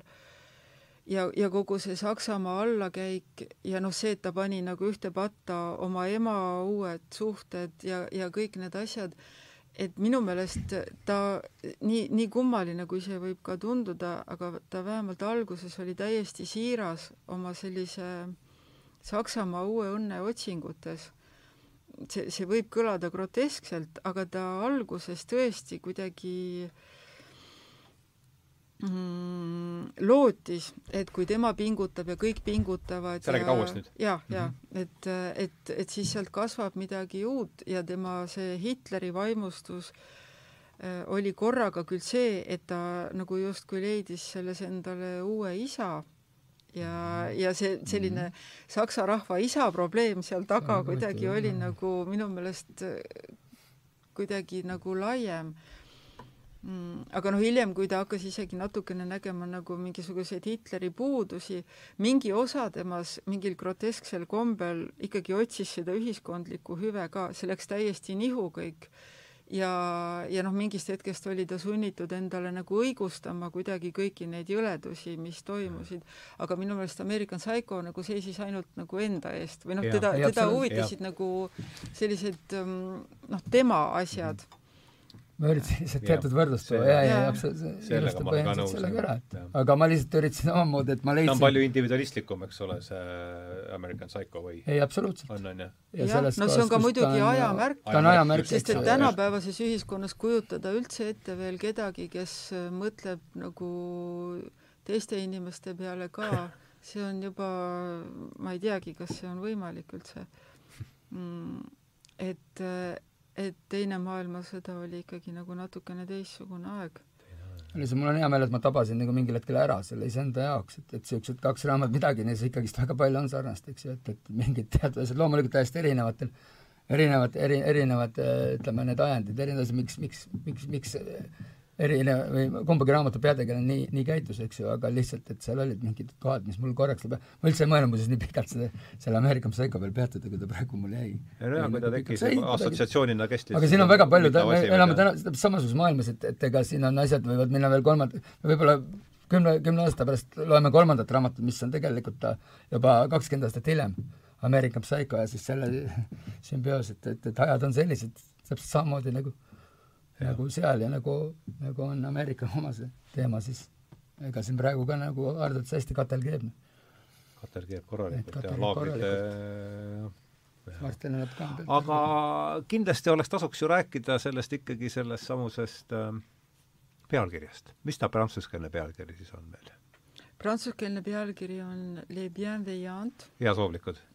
no seda võib, niisugust sõna enamik prantslasi ei tunne. Tähendab, bienveillant äh, on äh, ja naissoovar on bienveillant, on olemas loomulikult omadussõnana, see ongi heasoovlik, heatahtlik, aga nimisõnana, nii nagu ta on pealkirjas, les bienveillants, nimisõnana seda tunnevad haritud prantslased, mitte, mitte kõik mm. -hmm. Inglise keeles on pealkiri The kindly ones mm. -hmm ja siin on Die Wohlgesinnten, mis on siis äh, võimuliselt otsetõlge või saksakeelne? tähendab, ma ei oska väga hästi saksa keelt, aga see on, eks ole, ka hea, hea soovikud. aga äh, küsimus on selles, et ähm, et äh, tavaliselt äh, autorid niimoodi ei tee, aga äh, Litellil oli kohe eraldi selline mm, asi nagu kiri tõlkijatele. ja ja ta äh, nimetas seal umbes kümmekond asja, mis on tema jaoks väga tähtsad ja üks esimesi neist oli pealkirja tõlge. ja äh, see mm, juhtnöör oli see, et äh, tuleb võtta see sõna, mis on muutunud teie keeles kanooniliseks, et kui on see Aihylose Oresteia triloogia, et siis kolmanda osa nimi. Ehk siis, kui meil on need äh, Vana-Kreeka äh, jumalannad, eumeniidid ja erinnused, heasoovlikud ja, ja kurjad jumalannad, et siis les bienveillants ja the kindly ones on prantsuse keeles ja inglise keeles need sõnad, mis on ka läinud nagu käibele ähm, eumeniidide kohta. aga äh, eesti keeles äh, heasoovijad või heasoovlikud on iseenesest nagu äh, täpne sõnatõlge, aga ta ei ei anna seda mütoloogilist tausta. ta ei anna seda mütoloogilist tausta. isegi seda, vabandust jälle, päris huvitav, seda, ega seda Eumeniididel päris raske iseenesest, ma need võõrsõnad üldiselt leian, leian, tänapäeval leiab päris kergesti ülesse. et ma otsisin tegelikult, mul läks natuke aega isegi ta esimese, teise vastane jäänud, et noh, selle rünnuse ja selle te temaatikaga ristas selle, selle kaudu ma lõpuks need kuidagi leidsin üles, aga, aga niimoodi ta esimesena mul ette isegi ei visanud. selge see, et kui ma näen raamatu pealkirja Homeniidid, eks, et üldiselt ma müto-, baasmütoloogiat ikkagist midagi tean, eks ju. et tuli üsnagi täiesti võõrsõna, et et et ma isegi ei teadnud umbes, mis see võiks tähendada ja siis ma hakkasin otsima. ja ei läinudki, ütlen esimese korraga ma neid üles ei leidnud. et, et, et mis, äkki sa enne seletad, mis kuidas ei rünnused ja on, on siis kurjad, eks ju, kättemaksu jumalannad ja homeniidid on siis hea, heatahtlikud. on see, on see, sain ma õieti lõpuks aru või? seal on muidugi mingi taust taga, see räägime selle ka ära, see on see on päris huvitav, et seal oli see Heli on meist siin kõige kõige pädevam seda tegema. okei okay,, me kuulame. Mm, tähendab äh,, siin ongi nii, et äh, näiteks leedu keeles tuli hiljuti välja ka raamatutõlge ja nemad äh, tõlkisid just nimelt äh, pealkirja Erinnused. ah soo. jaa, ja muidu enamik Euroopa keeli äh, äh, või ka mitte Euroopa keeli, nii palju kui ma otsimise tulemusena leidsin, nad äh, enam-vähem on saanud hakkama mingisuguse sellise sõna, sõnaga, mis nagu noh, sarnaneb prantsuskeelse sõnaga, ingliskeelse sõnaga, kus on nagu, mis on nagu äh, Mm, korraga heasoovlikud ja on selline noh, nagu tänapäeva keelesõna, aga tähendab ka neid äh, mütoloogilisi olendeid. Ähm, mm, aga meil kahjuks me, meil seda ei ole ja seda sai isegi autoriga arutatud, ta, ta noh, ütles, et tõesti õudselt hea oleks, kui saaks midagi niisugust leida, aga siis ikkagi nagu oli valida, et kas see mütoloogiline dimensioon kaob sealt täitsa ära, millest oleks väga kahju ja mis paneks ähm, nagu selles on ikkagi nagu vahe, et, et laias laastus, kuigi ka tänapäeva prantsuse lugeja ei ole sugugi enam antiikmütoloogias nii kodus, äh, kui ta oli vanasti, aga kuna see on ikkagi ladina kultuur, äh, siis see taust on üldiselt inimestel tugevam kui Eestis mm,. meil on ikkagi nagu hoopis teine ajalugu ja, ja mulle nagu ka tundus ja see sai ka autoriga läbi arutatud, et kui me peame nagu valima kahest variandist nagu öö, ühe ja kumbki pole hea, et siis võtame ikkagi öö, selle mm, kreeka sõna, sest siis lugeja saab kohe aru, kus suunas mm -hmm. see asi ja, nagu liigub, kuigi see sõna ise tuleb alles äh, raamatu kõige viimasel leheküljel. tõsi ka, jah? jah ja absoluutselt kõige viimasel leheküljel. sul on meeles see, jah? see isegi ei ole mitte üldse kõige viimane sõna. tähendab oh,, kõige viimane lause. kõige viimane lause, jaa. Eumeniidid olid see lõpp on muidugi fenomenaalselt kihvt nagu ikka äh,. aga nüüd oh, veel, kui Aha. rääkida sellest, et ähm,, et kuidas siis nüüd on, et kas eumeniidid või erinnused, siis tegelikult, mis mind ka selle sõna kasuks otsustama pani, ongi see, et äh, eumeniidid äh, ja erinnused on tegelikult üks ja sama asi. Mm, -hmm. nad võivad äh, head äh, jumala, nad võivad jälle muutuda kurjaks ja vastupidi, et see ei ole nii, et see on nüüd lukus, et ja, meil on nüüd see ID-kood ja sellega me nüüd paneme aegade lõpuni, vaid vastavalt sellele, mida inimene teeb ja kuidas äh, suured jumalannad kohtu otsusega äh, järgmisel puhul otsustavad, niimoodi äh,, niimoodi muutuvad ka nemad ja, ja vahet ei ole, äh, kas eumeniidid või rinnused, sest kui äh, Max Aue ütleb, et nad olid mul kannul, ega see ei kõla hästi. ükskõik, kes on mul kannul ja see on raamatu viimane mhm. lehekülg, see tähendab seda,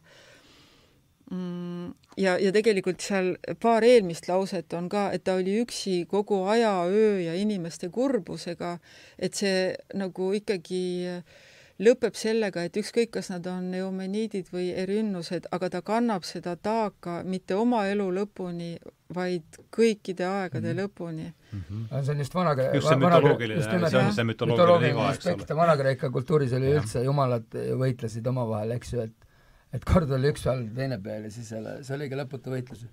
erinevalt kristlikust jumalast, eks ju, et see on nagu see kahe selle vahe, mis millest me siis täna alustasime ka mingi ega sa ei leia seda kohta üles, kus oli see, oli see, kus nad arutavad selle kristliku ja Kreeka, ma panin siin kirja, raamatu keskel on koht kristliku ja Kreeka moraali erinevustest. Äh, leian küll, kas va ma nüüd teen PDF-i lahti? vaataks, see oleks huvitav, see oleks huvitav koht, see, see lõi mulle niimoodi kuidagi, see on, mul ei olnud see meeles, nüüd see tuli mul meelde mm aga et mis seal on? kas sul on meeles see, see kristliku ja kreeka kultuuri mul, mul on see koht, koht on meeles kuskil, aga seda Heli ju tegelikult põhi, põhi selle printsiibi seletas lahti. ma ei saa äh, ma olen väga rumal, ma ei pannud seda desktopile ja siit ma ei saa mm, internetti ähm.... internetti sa peaksid saama meil, meil on vaba, vaba internet vist või? aga siis äkki äh,, siin ma ei leia ühtegi. aga las ta siis, siis ära selle pärast muretse, siis äh, ei äh, mm. aga mis, mis sul et on meeles? Heli ju, nii palju kui mul meeles on, Heli ütles, et, et üks on joandestav, teine, teine ikkagist mitte ja sealt läks sealt on see koht, et Heli võib-olla võib selle üle, üle rääkida. ma mõtlesin, et kui seal on lihtsalt mingi teksti seal oli, see oli üsna lühike tekst. ma ei saa praegu kätte. see oli üsna lühikene lõik. kahjuks, aga, aga mm, lehekülg maksimaalselt äh,. jaa, aga, aga, aga raamatus äh, on kasutatud äh, Indrek Kohvi ja Aare Pilve tõlkeid ka ja see äh, Kreeka mütoloogia äh, koht äh, seal oli paar lehekülge Aare Pilve tõlget ja see on tema blogis, nii et kui äkki äh, keegi oh. saab minna oma aga ma ei tea, kas see ei võta praegu kohutavalt palju võta, aega. see, see viib meid jah, praegu kõrvale sellest, et las ta siis olla, et äh... aga selle leiab sealt ähm, blogist kohe üles, äh, raamatus on see kusagil, ma arvan, mingi kuuesaja, seitsmesajanda lehekülje vahel see, see, see teema on lihtsalt endale pakkunud siin viimasel ajal teises kontekstis huvi, et oleks huvitav olnud ära uue, uuesti üle vaadata, mis ta, mis Littel sellest kirjutab, aga et äh... no lühidalt see ongi see, et ega nagu äh, selle süüga ei ole nagu selge mm, -hmm. et, et noh, et, mm, et ähm, me ei tea ju meie inimestena ei tea, et kas õigus on kristlikul jumalal või Kreeka äh, jumalatel, aga ta toob need mõlemad nagu välja mm. -hmm. ja see omakorda ka kuidagi õigustab seda, seda eumeniidide või ja erinnuste kohalolu, et me ei saagi teada, me tegeleme selle küsimusega iga päev, iga hommik, iga õhtu, iga sekund uuesti sest isegi kui me otsustaks nagu ühe asja kohta ära, et nüüd siin on selle süüga nii, siis tekib juba mingisugune järgmine asi ja me juba jälle ei tea. Need rinnused kerkivad välja sealt, kus me neid ei oota, mul on niisugune tunne, see on see ja, ja ka kui võtta ei tunne äragi kõigepealt. ei tunne ära ja ega me ju tegelikult päris täpselt sedagi ei tea, et näiteks, et kui me kõik põrgu järjekorras kohtume ukse taga seal, kuni me pole sisse läinud, me ei oska ju ka päris hästi arvata, et noh, mis kuhu lahtrisse läheb, me ainult arvame, et me oskame. ja mul on meeles, sa tahtsid öelda midagi? ei, ma ei, ta, ei, ei. Mul, mul on meeles ikka see, kui sealt tuleb, peaks see põrgupildidega oleks see Baabi Jaar, see Baabi Jaari, see, oli see Baabi Jaar ja, ja see oli, see oli ikka uff jah, see on ikka, ikka märkimisväärne raamat, ega midagi no see üks osa on muidugi see Pabiaar, aga teine, mida, millest me tegelikult täna rääkinud ei ole, on ju tegelikult see viimane, põhimõtteliselt pool raamatut jookseb ju kõik, kõik, kõik, mis puutub Max Aue tegevusse natsina, on ju, on ju koonduslaagrid, mida ta ja. peab hakkama, ta peab hakkama juudi tööjõudu sealt värbama. ja, ja nende tingi-, tegelikult on ta nagu, see mida, ja siis ta ju läheb otse sinna Speeriga, tuleb see Saksa tööstuslik, tööstuslik teema sinna veel juurde. absoluutselt, on ju Speeri aluses osaliselt ja siis seal tekivad omakorda, natsid lähevad, need oma, lähevad omakorda ju lõpus hakkavad, noh, tekib seal vastuolu, eks ju, neil. Nad ju omavahel lähevad näginasse seal kõik. ja siis äh, või need leerid, sa said ka niimoodi aru, Heli, eks ju? sest et vaata, Max üritab ju tegelikult selles mõttes üritab ta isegi aidata, ta ju tahab, et need juudid, seal ju on üks kas SS lõpuks tahab seda, et ikkagist need juudid tapetakse ikka väga toorelt? noh, need tapeti niikuinii, eks, aga mingil hetkel see sõjatööstus Saksal ju hävib nii metsikul kombel, et neil on, vaja tööjõudu peale ja. ja siis Max ju aitab tegelikult nende tingimusi, tema üritab läbi viia seda ideed, et nende tingimusi parandada ja, ja ja et nad saaksid sinna tööle. nüüd kas, kas ta teeb seda selleks, et tal nüüd juutide vastu mingisugune kaastunne oleks või pigem selle heaks, et ikkagist Natsi-Saksamaa saaks, seal kuidagi jääb üsnagi äh, neutraalseks see või noh, ja see ei ole üldse minu arust nii oluline selles, selles kontekstis. sest nagunii ta suhtub, kas, kas sulle ei tundu, et raamatu teine pool, sa ütlesid väga hästi alguses, et raamatu esimene pool ta nagu usub sellesse, aga mingil hetkel ta kaotab nagu reaalselt nagu otseselt sa usud, ta on üsna neutraalne selle, kogu selle natsi tuleviku suhtes, pigem lõpus isegi negatiivne. noh, et ta ei ole ju mingisugune, selles mõttes nats, nagu me mõtleme, et natsid olid nagu noh, seal päris palju tema ümber on need kõik niisugused reaalsed hullud natsid, eks ju. selles mõttes hullud, et noh, nagu me oleme harjunud neid selles, selle nägema, eks ju.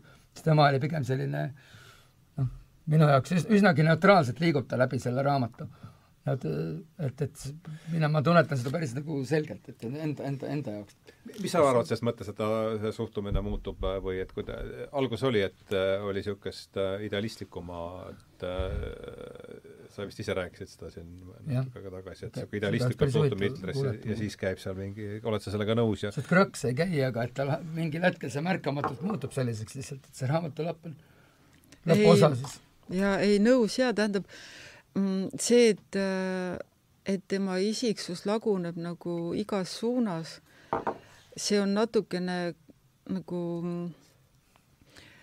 äh, natukene ka kuidagi lihtsalt ilukirjanduslikel taotlustel, aga tõesti, äh, seal on ju jällegi, meil on need unenäokihid, kus ta noh, olles ise parajasti jälle suunatud mingisuguseid koonduslaagreid, ma ei tea, inspekteerima mm, tähtsa näoga siis ta näeb neid koonduslaagreid ka unes ja nagu sellisel kujul, et see on nagu lihtsalt ähm, kogu maailm lihtsalt nagu redutseeritud nagu absurdsuseni, no ühesõnaga nagu mingisugused sellised nägemused, mis sellel kõigel nagu, mida ta peab ellu viima, nagu tõmbavad vaiba alt.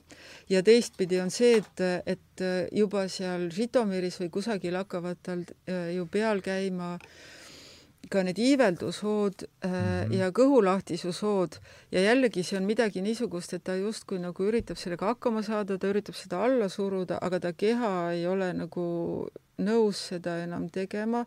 mingi asi temas ei ole nõus, aga see on midagi alateadlikku äh,. kuidagi oma peaga ta üritab endale ikkagi nagu selgitada, et tuleb teha nii ja tuleb teha naa. ja tõesti, mida kaugemale see raamat läheb, äh, seda äh, seda osavõtmatumaks, seda küünilisemaks ta ka mm., ta ka muutub.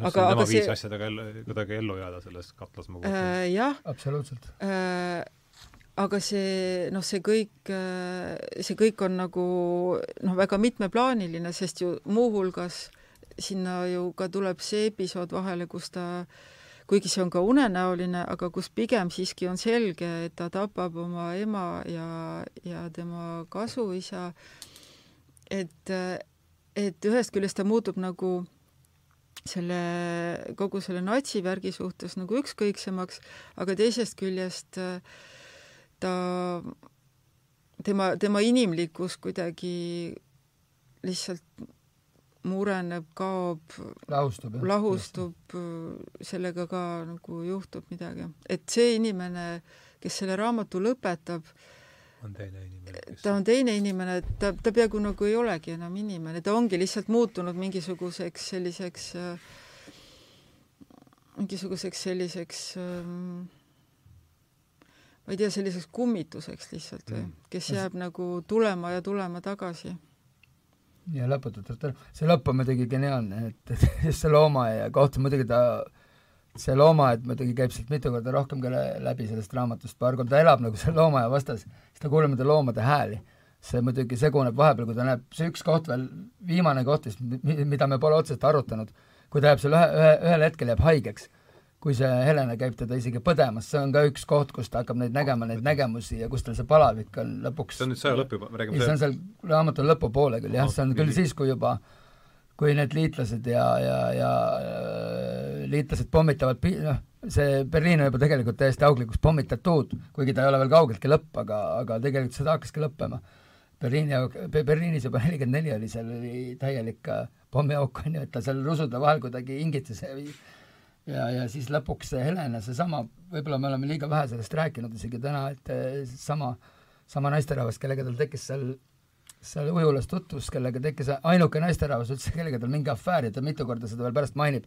see on ka ainuke naine, kellega tal oleks võinud midagi tekkida ja ta vist isegi nagu Heli ütles hästi, et ainukene naine, kes mingigi armastuse temas nagu üles äratas või noh, jätame selle ühe teema praegu välja, eks. see ei ole mul üldse meeles, aga kus see on, see, mille, kus see on, jookseb ju pool raamatut peaaegu, seal poole, poole peal juba tekib see Helena. kust tuleb Helena? ja see kaob samamoodi ära ka, et ta enam jätab kirja ja kaob ja rohkem seda teda enam ei ole aga kust see, kust see tuleb üldse, mis, mis ta tutvuvad, tutvuvad Berliinis ujulas, koos käib selle sõbra Toomasega, läksid ujuma, kutsus teda ujulasse, eks ju, nad ikkagist ta on puhkusel siis või? ta on puhkusel, voh okay., et see ongi, ta oli puhkusel, Toomas kutsus ta ujuma, sest et ikkagi sporti käis vehklemas ka, tegi kahte asja vehklemas, käis ujumas, noh, loogiline, et, et see sõjaväelane peab ennast ka füüsilises vormis hoidma, eks ju. ja siis seal tal tekkis, no Toomas oli õudne naistemees, seal need peod võib-olla, ma ei tea, kes kas me praegu räägime sellest, et need peod olid seal, ega see osa on ka päris kihvt muidugi, omamoodi, et, et millised orgiad seal korraldati, need natsid, noh, et need kõrg, kõrgklassi siis need noh, korraldati neid päris räigeid pidusid, nii nagu noh, võibki umbes eeldada, et et see Toomas oli nagu kõva naistemees.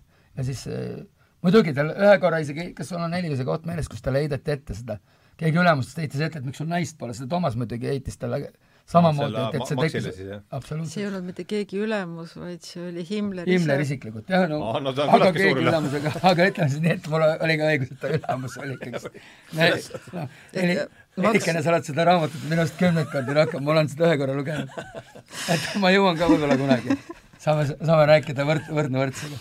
Ei, täna oled sina minu küsimus ei ole mitte võrdne võrdsega, vaid lihtsalt nagu mm, ei, ma ei tea, mida austatud Reichsführer SS mm. mõtleks, kui nagu keegi kuskil ütleks, et keegi ülemus aga tegelikult ta ju terve raamatu teise poole töötaski Berliinis mm. -hmm. ta oligi see Reichführeri ähm, mm -hmm. isiklikus büroos ja ta lihtsalt saadeti missioonidele koonduslaagritesse. jah, siis ta käis ju Speeriga nendega kohtus. ja, ja aga terve raamatu nagu ja, ja. teine pool, nagu tema staap on Berliinis, Berliinis.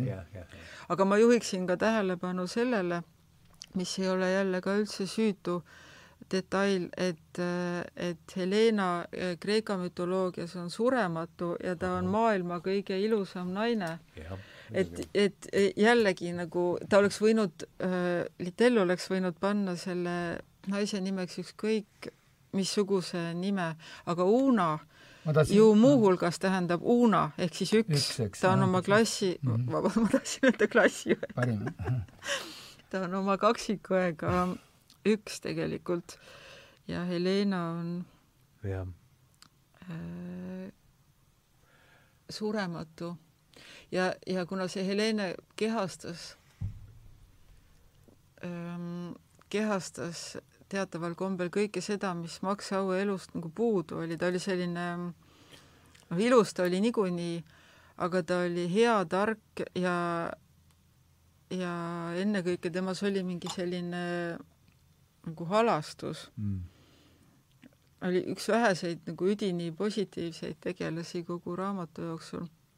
ja see, et ta jääb kättesaamatuks, sest noh, neil oli midagi armastuselaadset, aga see ei, ja mitte kättesaamatuks, see on hoopis vale sõna, aga see armastus jäi nagu selles mõttes platooniliseks, et, et Max Aue eales Helene väga armastas teda, aga Max Aue kunagi ei puutunud teda aga mm., aga, aga see, et sul on see mm -hmm. ideaal ja, ja mitte, et sa ei saa seda kätte, vaid sa ei suuda teda puudutada mm, -hmm. see minu meelest ka vägagi äh, kuidagi on tähendusrikas aga me jõuame jälle sinna, mille pärast see kõik oli ikkagist see, minu arust see kaksikõde oli selline kinni, selline obsessioon tal on ju peas, et see selline iha ja kirg ja armastus, kõik asjad seal, see oli nii tugevalt ta sees, nagu sa ütlesid, Uuna, eks, see üks, üks sama, et ta ei suutnudki ju tegelikult, ta elas nüüd need äh, oma homoseksuaalsed jõusuhted, mis ta elas, need ka väga head kirjeldused olid iseenesest, kui nagu võikalt ta seda ja kui nagu ju, kui nagu pealiskaudselt ta neid poisse endale ette võttis ja kui, mis tekst sinna vahele, eks ju, sa mäletad neid dialoogi, eks ju, kui robustselt see kõik,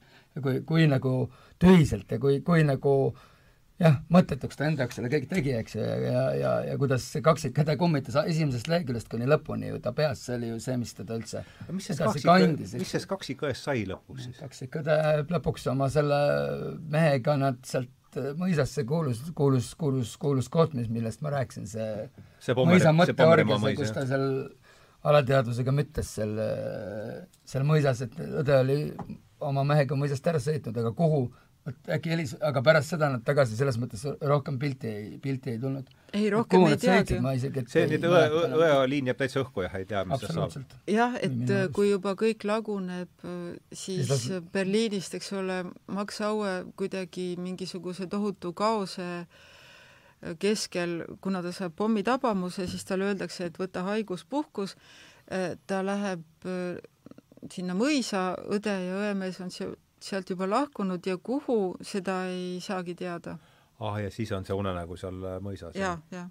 ja muidugi see koht muidugi, võib-olla me, ma ei tea, kas me sinna enam tagasi tuleme, praegu see koht on mul lihtsalt meeles, et see muidugi, kui ta, kui tuleb see Toomas talle sinna järgi, kui tegelikult sõda on juba siis põhimõtteliselt juba lõppenud, ja see, kui see rännak hakkab, see pikk kuueteistpäevane rännak sinna tagasi Berliini see on ulme muidugi koht, kus need lapsed, seal on see laste, laste sissipunt, mäletad? jah, seda ma mäletan. Lapsed, see on natukene, seal muidugi läheb võib-olla natuke seda kärbeste jumalat, eks ju, mingil, eks ju, kui need lapsed olid võimu võtnud ja seal tegelikult neid, neid, äh, kõik neid äh, Nõukogude neid tankiste, neid seal tapeti, noh, väga väiked kohad, kus need ja, ja kuidas nad üldse laste käest pääsesid, lapsed ju kartsid, nemad kartsid samamoodi, et nemad on äraandjad.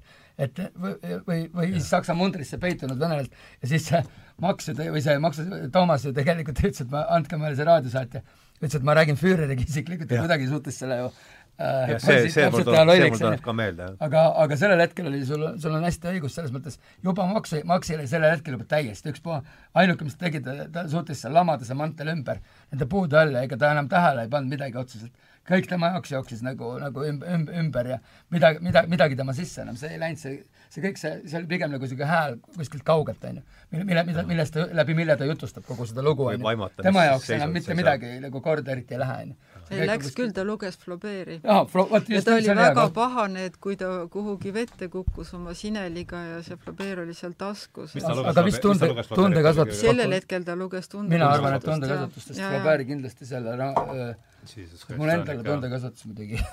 ikka ja on ikka raamat. Ei, ja meil on siin nii mõnigi osa on tegelikult lahti võtmata, just see, mida Heli vahepeal, seal on natuke krimi-, seda kriminaalromaani ka sees, et just see osa jah, kui ta käis ju seal oma ema külastamas, keda ta aastaid polnud külastanud äh, Prantsusmaal. ja, ja siis ema mees, kellest on ka ju päris palju, ema uus mees, et uh, uus selles mõttes, et ta ju, isa jäi kadunuks. see isa otsimine on ka seal veel kolmas koht, aga et see mõrv, mis toimus, mina sain muidugi, tabasin ka kohe ära, et pigem see, tema oli see mõrvar kohe alguses, aga seda ju lõpuni tal tal käisid uurijad ju mitmeid kordi, hakkasid seda vaikselt kiusama, onju. see tuleb ka meelde, jah. ja siis seal tekkis ju ta ema, ema mõrvaga seoses või? ema, ema oletatava mõrvaga no,? ja, ja noh, see Clemens ja Veeser, need ka on ja, need, need erinnused. Need ongi ju rünnused, reaalsed rünnused, kes, kes käisid ju kogu aeg sabas tal ju. Need ei lasknud tal siis ka lahti, kui tegelikult ülemus andis juba käsu, et need teda puuta on puutumata, eks. siis tegelikult need käisid kõige raamatu kõige lõpus, see on viimased kümme lehekülge, kui nad olid seal tunnelis juba põgenesid, seal kanalisatsioonitunnelis kuskilt metroo vahelt läbi, eks ju sest tegelikult need kutid olid siis tal ka sabas ja, siis ta kuidagi sealt mul on vägisi tunne, et ma peaks selle raamatu ikkagi uuesti ei, nüüd üle lugema, sest see on jah, kõik see, kõik, kõik see tuleb ju meelde praegu, mis seal toimus. et jah, see kriminaalne tegelikult äh, dimensioon jääb ka sinna ja tegelikult see on päris kihvtilt, seal ju korduvalt äh, jõuab mm., jõuab, jõuab sinna ise ka tagasi, ega tema ise vist noh, ka selgelt ei saa aru, kas ta on see, sest lõpuks üks, üks neist kahest uurist räägib ju veristest riietest. ja siis tegelikult noh, mina küll tabasin enda jaoks on tere, mina, sa saad ka Helini aru, ma ennem kuidagi kuulasin, et, et tema on ju, oli ikkagi see martsukas. kuigi seda, seda ei ole kuskil ma pigem arvan, et aga mis sa ise arvad? Äh, no ma ei arvagi midagi ja me ei peagi ei pea absoluutselt, ma tahaks ikka sellega raamatusse see välja ei tule igal juhul, see on see äh, otseselt ei tule. otseselt ei tule jah, aga see nii palju viiteid on sellel. ma mäletan ka, et mulle, nojah, see on ju ka väga palju viiteid on sellel.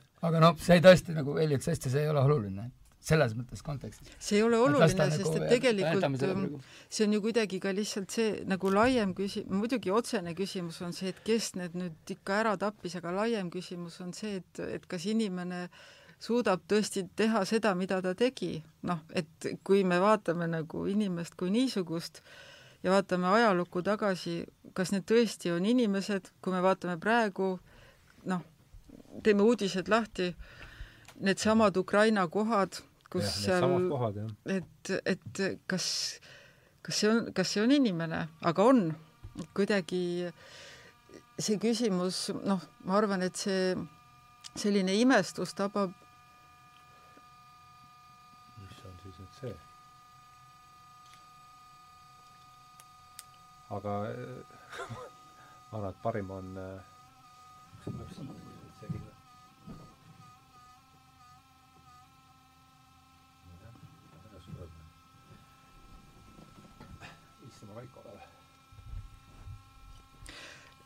ja noh, kui mõelda, et Littell on ise rääkinud, et äh, tema ju lõpetas Yale'i ülikooli, aga siis ta ei tahtnud kuidagi teadust teha, vaid teda tõmbas mida ta õppis? Mm, kirjandust, filosoofiat, ajalugu uh. -huh aga siis teda tõmbas sellise rindeajakirjanduse poole, ta oli ja. mm, tükk aega jaa, Tšetšeenias, Bosnias, Venemaal, igal pool, ta on ÜRO-ga olnud kaasas igasugustel Äh, missioonidel. mitte õrnalt haavata ei saanud ja sealt tal tekkiski see kirjanduslik mõt-, ma ei tea, ambitsioon siis ütleme, oli vist nii, eks, minu teada. seda, mingisuguse väikse kriipsu ta sai, aga lihtsalt, mis on nagu hästi nagu vahva, on see, et ta on rääkinud, et need ähm, näiteks need täiesti grotesksed lehekülgede pikkused arutelud, äh, kus mm, Reichsführer, Reichsführeri ähm, määruste järgi kokku pandud koonduslaagri toitlustamiskomisjon, siis peab arvestama, et kui palju kaloreid me peame hoidma nagu inimestel, et nad püsiksid nagu elus, aga Jah, nagu gramm mitte rohkem kui elus.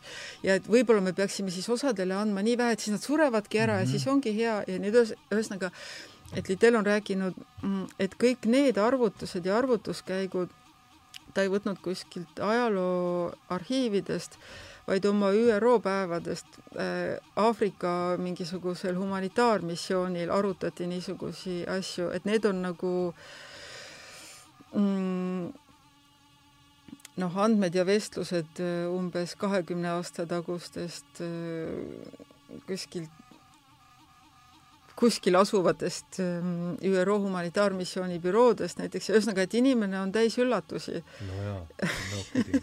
ja see, et, et, ähm, et kuidagi ähm, kes nüüd seal raamatus täpselt mida tegi, kes kelle maha lasi, see on muidugi nagu sellises esimeses astmes põnevusloo mõttes väga tähtis. Ja see on see, mis ähm, minu meelest on hästi kavalalt tehtud, sest see hoiab lugejat ikkagi sellises põnevusseisundis ja ta loeb selle tohutu, tohutu massiivi läbi. et ta ei saa seda raamatut käest ära panna, sest mingi osa temast tõesti tahab ka teada, Et mis juhtub. mis juhtub. Aga, aga laiemas plaanis mm, see nagu ei ole üldse tähtis. ma mäletan seda seisundit, ega see mul see saksa keel pole ju ka emakeel, aga see oli ainus, mis mul oli ja sealt ma ikka läksin niimoodi, et ma ei ma mäletan, ma sõitsin Tartusse ja keegi pärast küsis mu käest, et mis raamatut sa lugesid. jah.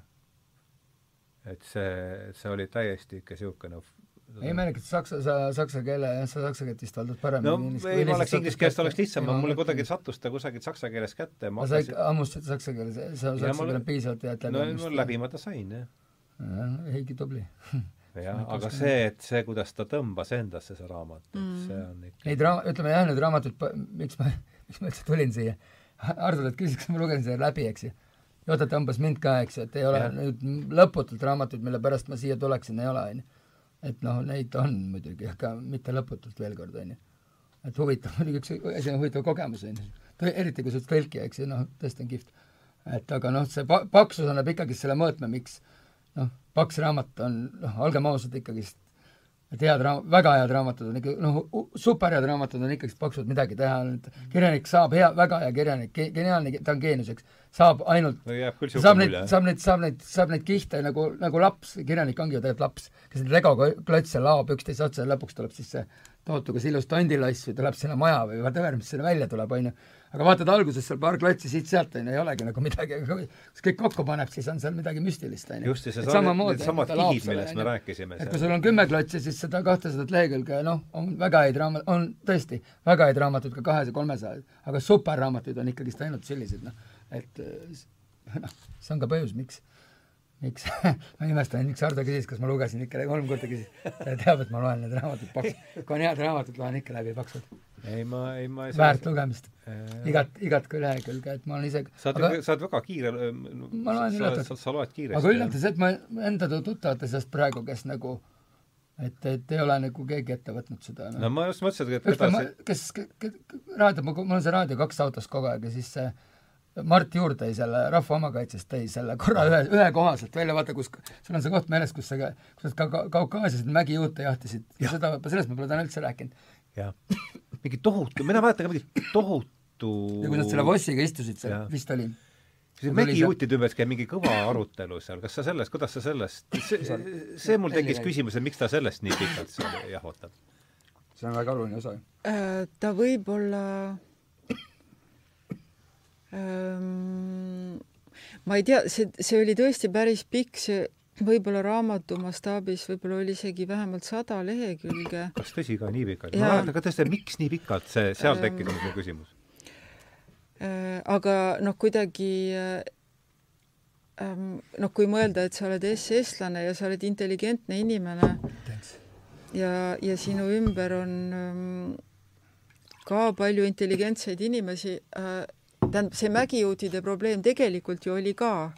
Äh, see, see päriselt noh, see, see ei ole nagu väljamõeldis, see on nagu see, see oligi nii, et, et sakslased tõesti üritasid mm, neid äh, ka tervikuna ekstermineerida ja nad tõesti kavaldasid nad üle see, see on kõik nagu Need mägijuudid siis? jaa, jaa, jaa.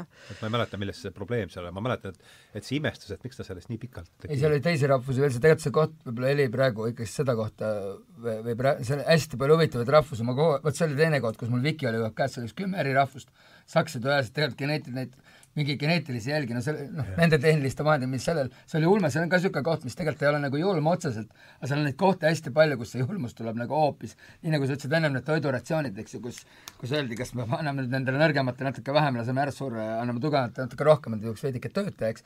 tegelikult need kohad nagu on eriti julmad läbi selle, et tegelikult nagu kohana ei ole mitte midagi erilist, on ju, kui sa nii loed, on ju. kui sa isegi konteksti teaks, siis ta täitsa mõttetu koht, on ju, selle koha pealt loeks nagu lasteraamat, aga väga-väga julm on ju selles nagu mõttes, kui sa aru saad, millest nagu jutt käib, on ju, ja kuhu see, kuhu see kuhu, kuhu ta käib nagu ja see mägijuutide koht oli tegelikult mul, mina nendest mägijuutest nagu väga, väga nagu ei teadnudki varem, ma lihtsalt kuulnud korra küll neist, aga aga no võib-olla, tähendab, seal oli kindlasti ka see eesmärk, et sinna sai nagu lehekülgede kaupa sisse pikkida seda äh, ajaloolist ülevaadet, siis sai sinna sisse pikkida tohutult mingisuguseid entsüklopeedilisi fakte, siis ühe väga sümpaatse keeleteadlase Vossi äh, äärmiselt keerulisi keeleteaduslikke arutelusid. Need on kõik seal sees? Need on kõik seal ja, sees. ja, ja, ja tähendab, minul nii lugeja kui tõlgijana nagu selles mõttes ikkagi ei olnud kuidagi kompositsiooniliselt küll küsimust, et miks see siin on et sa kuidagi saad aru, isegi kui sellel hetkel sa mõtled, et mik-, miks kõik see teaduslik äh, diskursus siin nii massiivselt, sa saad kuidagi aru, et see peab kuhugi viima. Ja, ja et sa saad aru, et ähm, et ka Max Aue teadvuses nagu üks arutelu viib teiseni ja siis üks intellektuaalne diskussioon kuidagi ikkagi lükkab käima teise, et ta üritab seda kõike endale kogu aeg seletada, et, et kogu saksa rahvas üritas midagi endale kogu aeg seletada, need argumendid kuhjuvad ja kuhjuvad ja mm. kuhjuvad mm, ja lõpuks see kukub lihtsalt kõik kokku.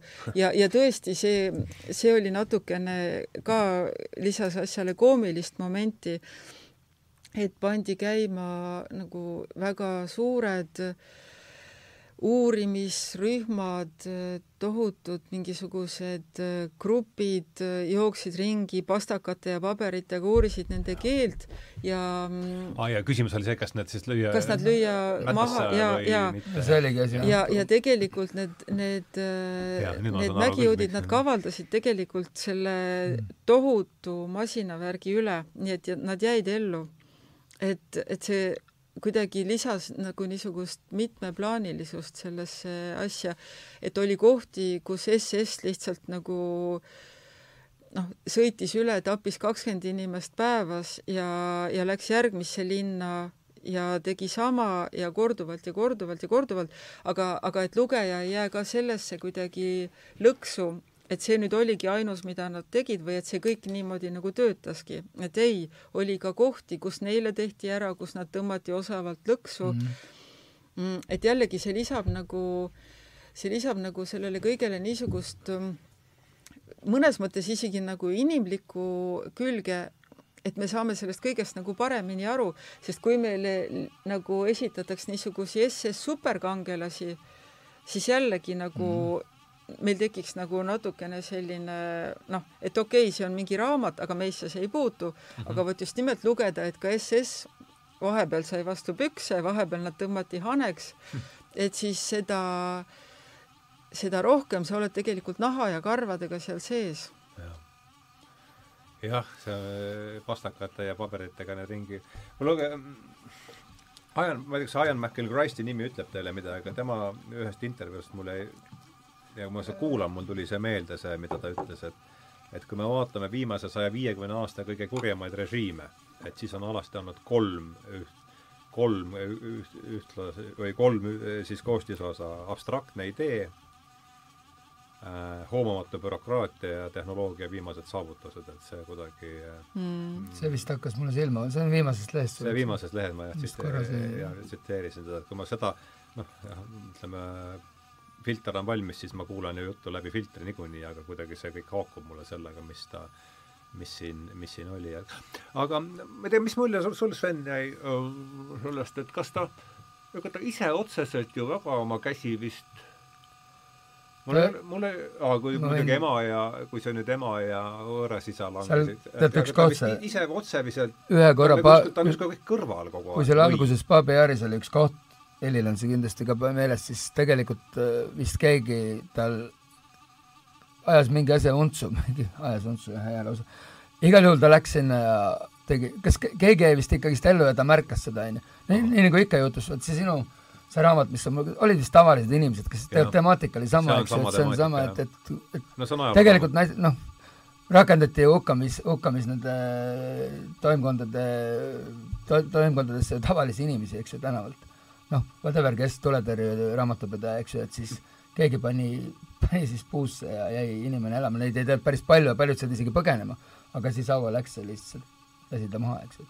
Et tegi see oli mingi ala, ala, alastus? see oli üks koht jah, alastus, nojah, mis selles mõttes oli, selles, sellest kohast eh, jäi ju selles mõttes posi-, kuidas, kuidas öelda, et et alastuslaske, et, et, et äh, see oli kuidagi niimoodi, et ta, ta katsus sellest mööda hiilida alguses ja siis tema ülemus ikkagi käsutas ta sinna kohale ja siis ta nagu sunniti sinna alla kraavi neid surnuid, tähendab, just nimelt haavatuid nagu maha laskma ja siis oli tal selline deliiriumi hetk. see on seal Babijaaris ikka? jaa, deli-, deliiriumi hetk, ta ei saanud nagu aru enam, tal oli nagu tunne, et ta käsi nagu liikus temast eemale ja lasi ise.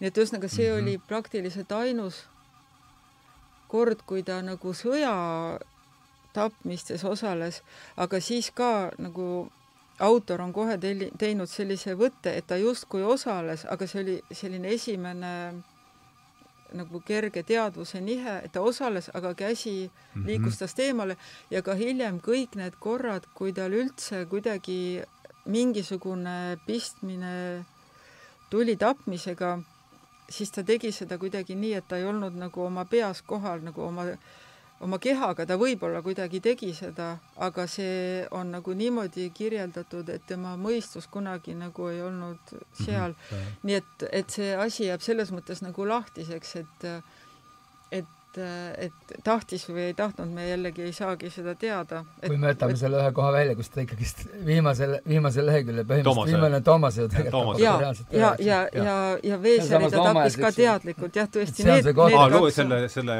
jah. ühe uurija tappis ka teadlikult. ühe uurija, eks ju, ja siis Hitleri lammustas, vot see oli hea see iroonia, millest ma arvan, seal ikka päris palju neid kohti ikkagist oli kokku, see, kus Hitler rammustab nina otsast ära, see on päris hea koht ikkagist. oota, mis sa ei mäleta seda kohta, jah? lõpupoole, kui ta hakkab juba see põge-, sealt hakkabki tal see põgenemine pihta ju, ta omakorda viie-, ta ju, ta saab ju selle aukõrgenduse, Hitleri juures on veel see, punkris on see vastuvõtmine nendele ohvitseridele, eks ju.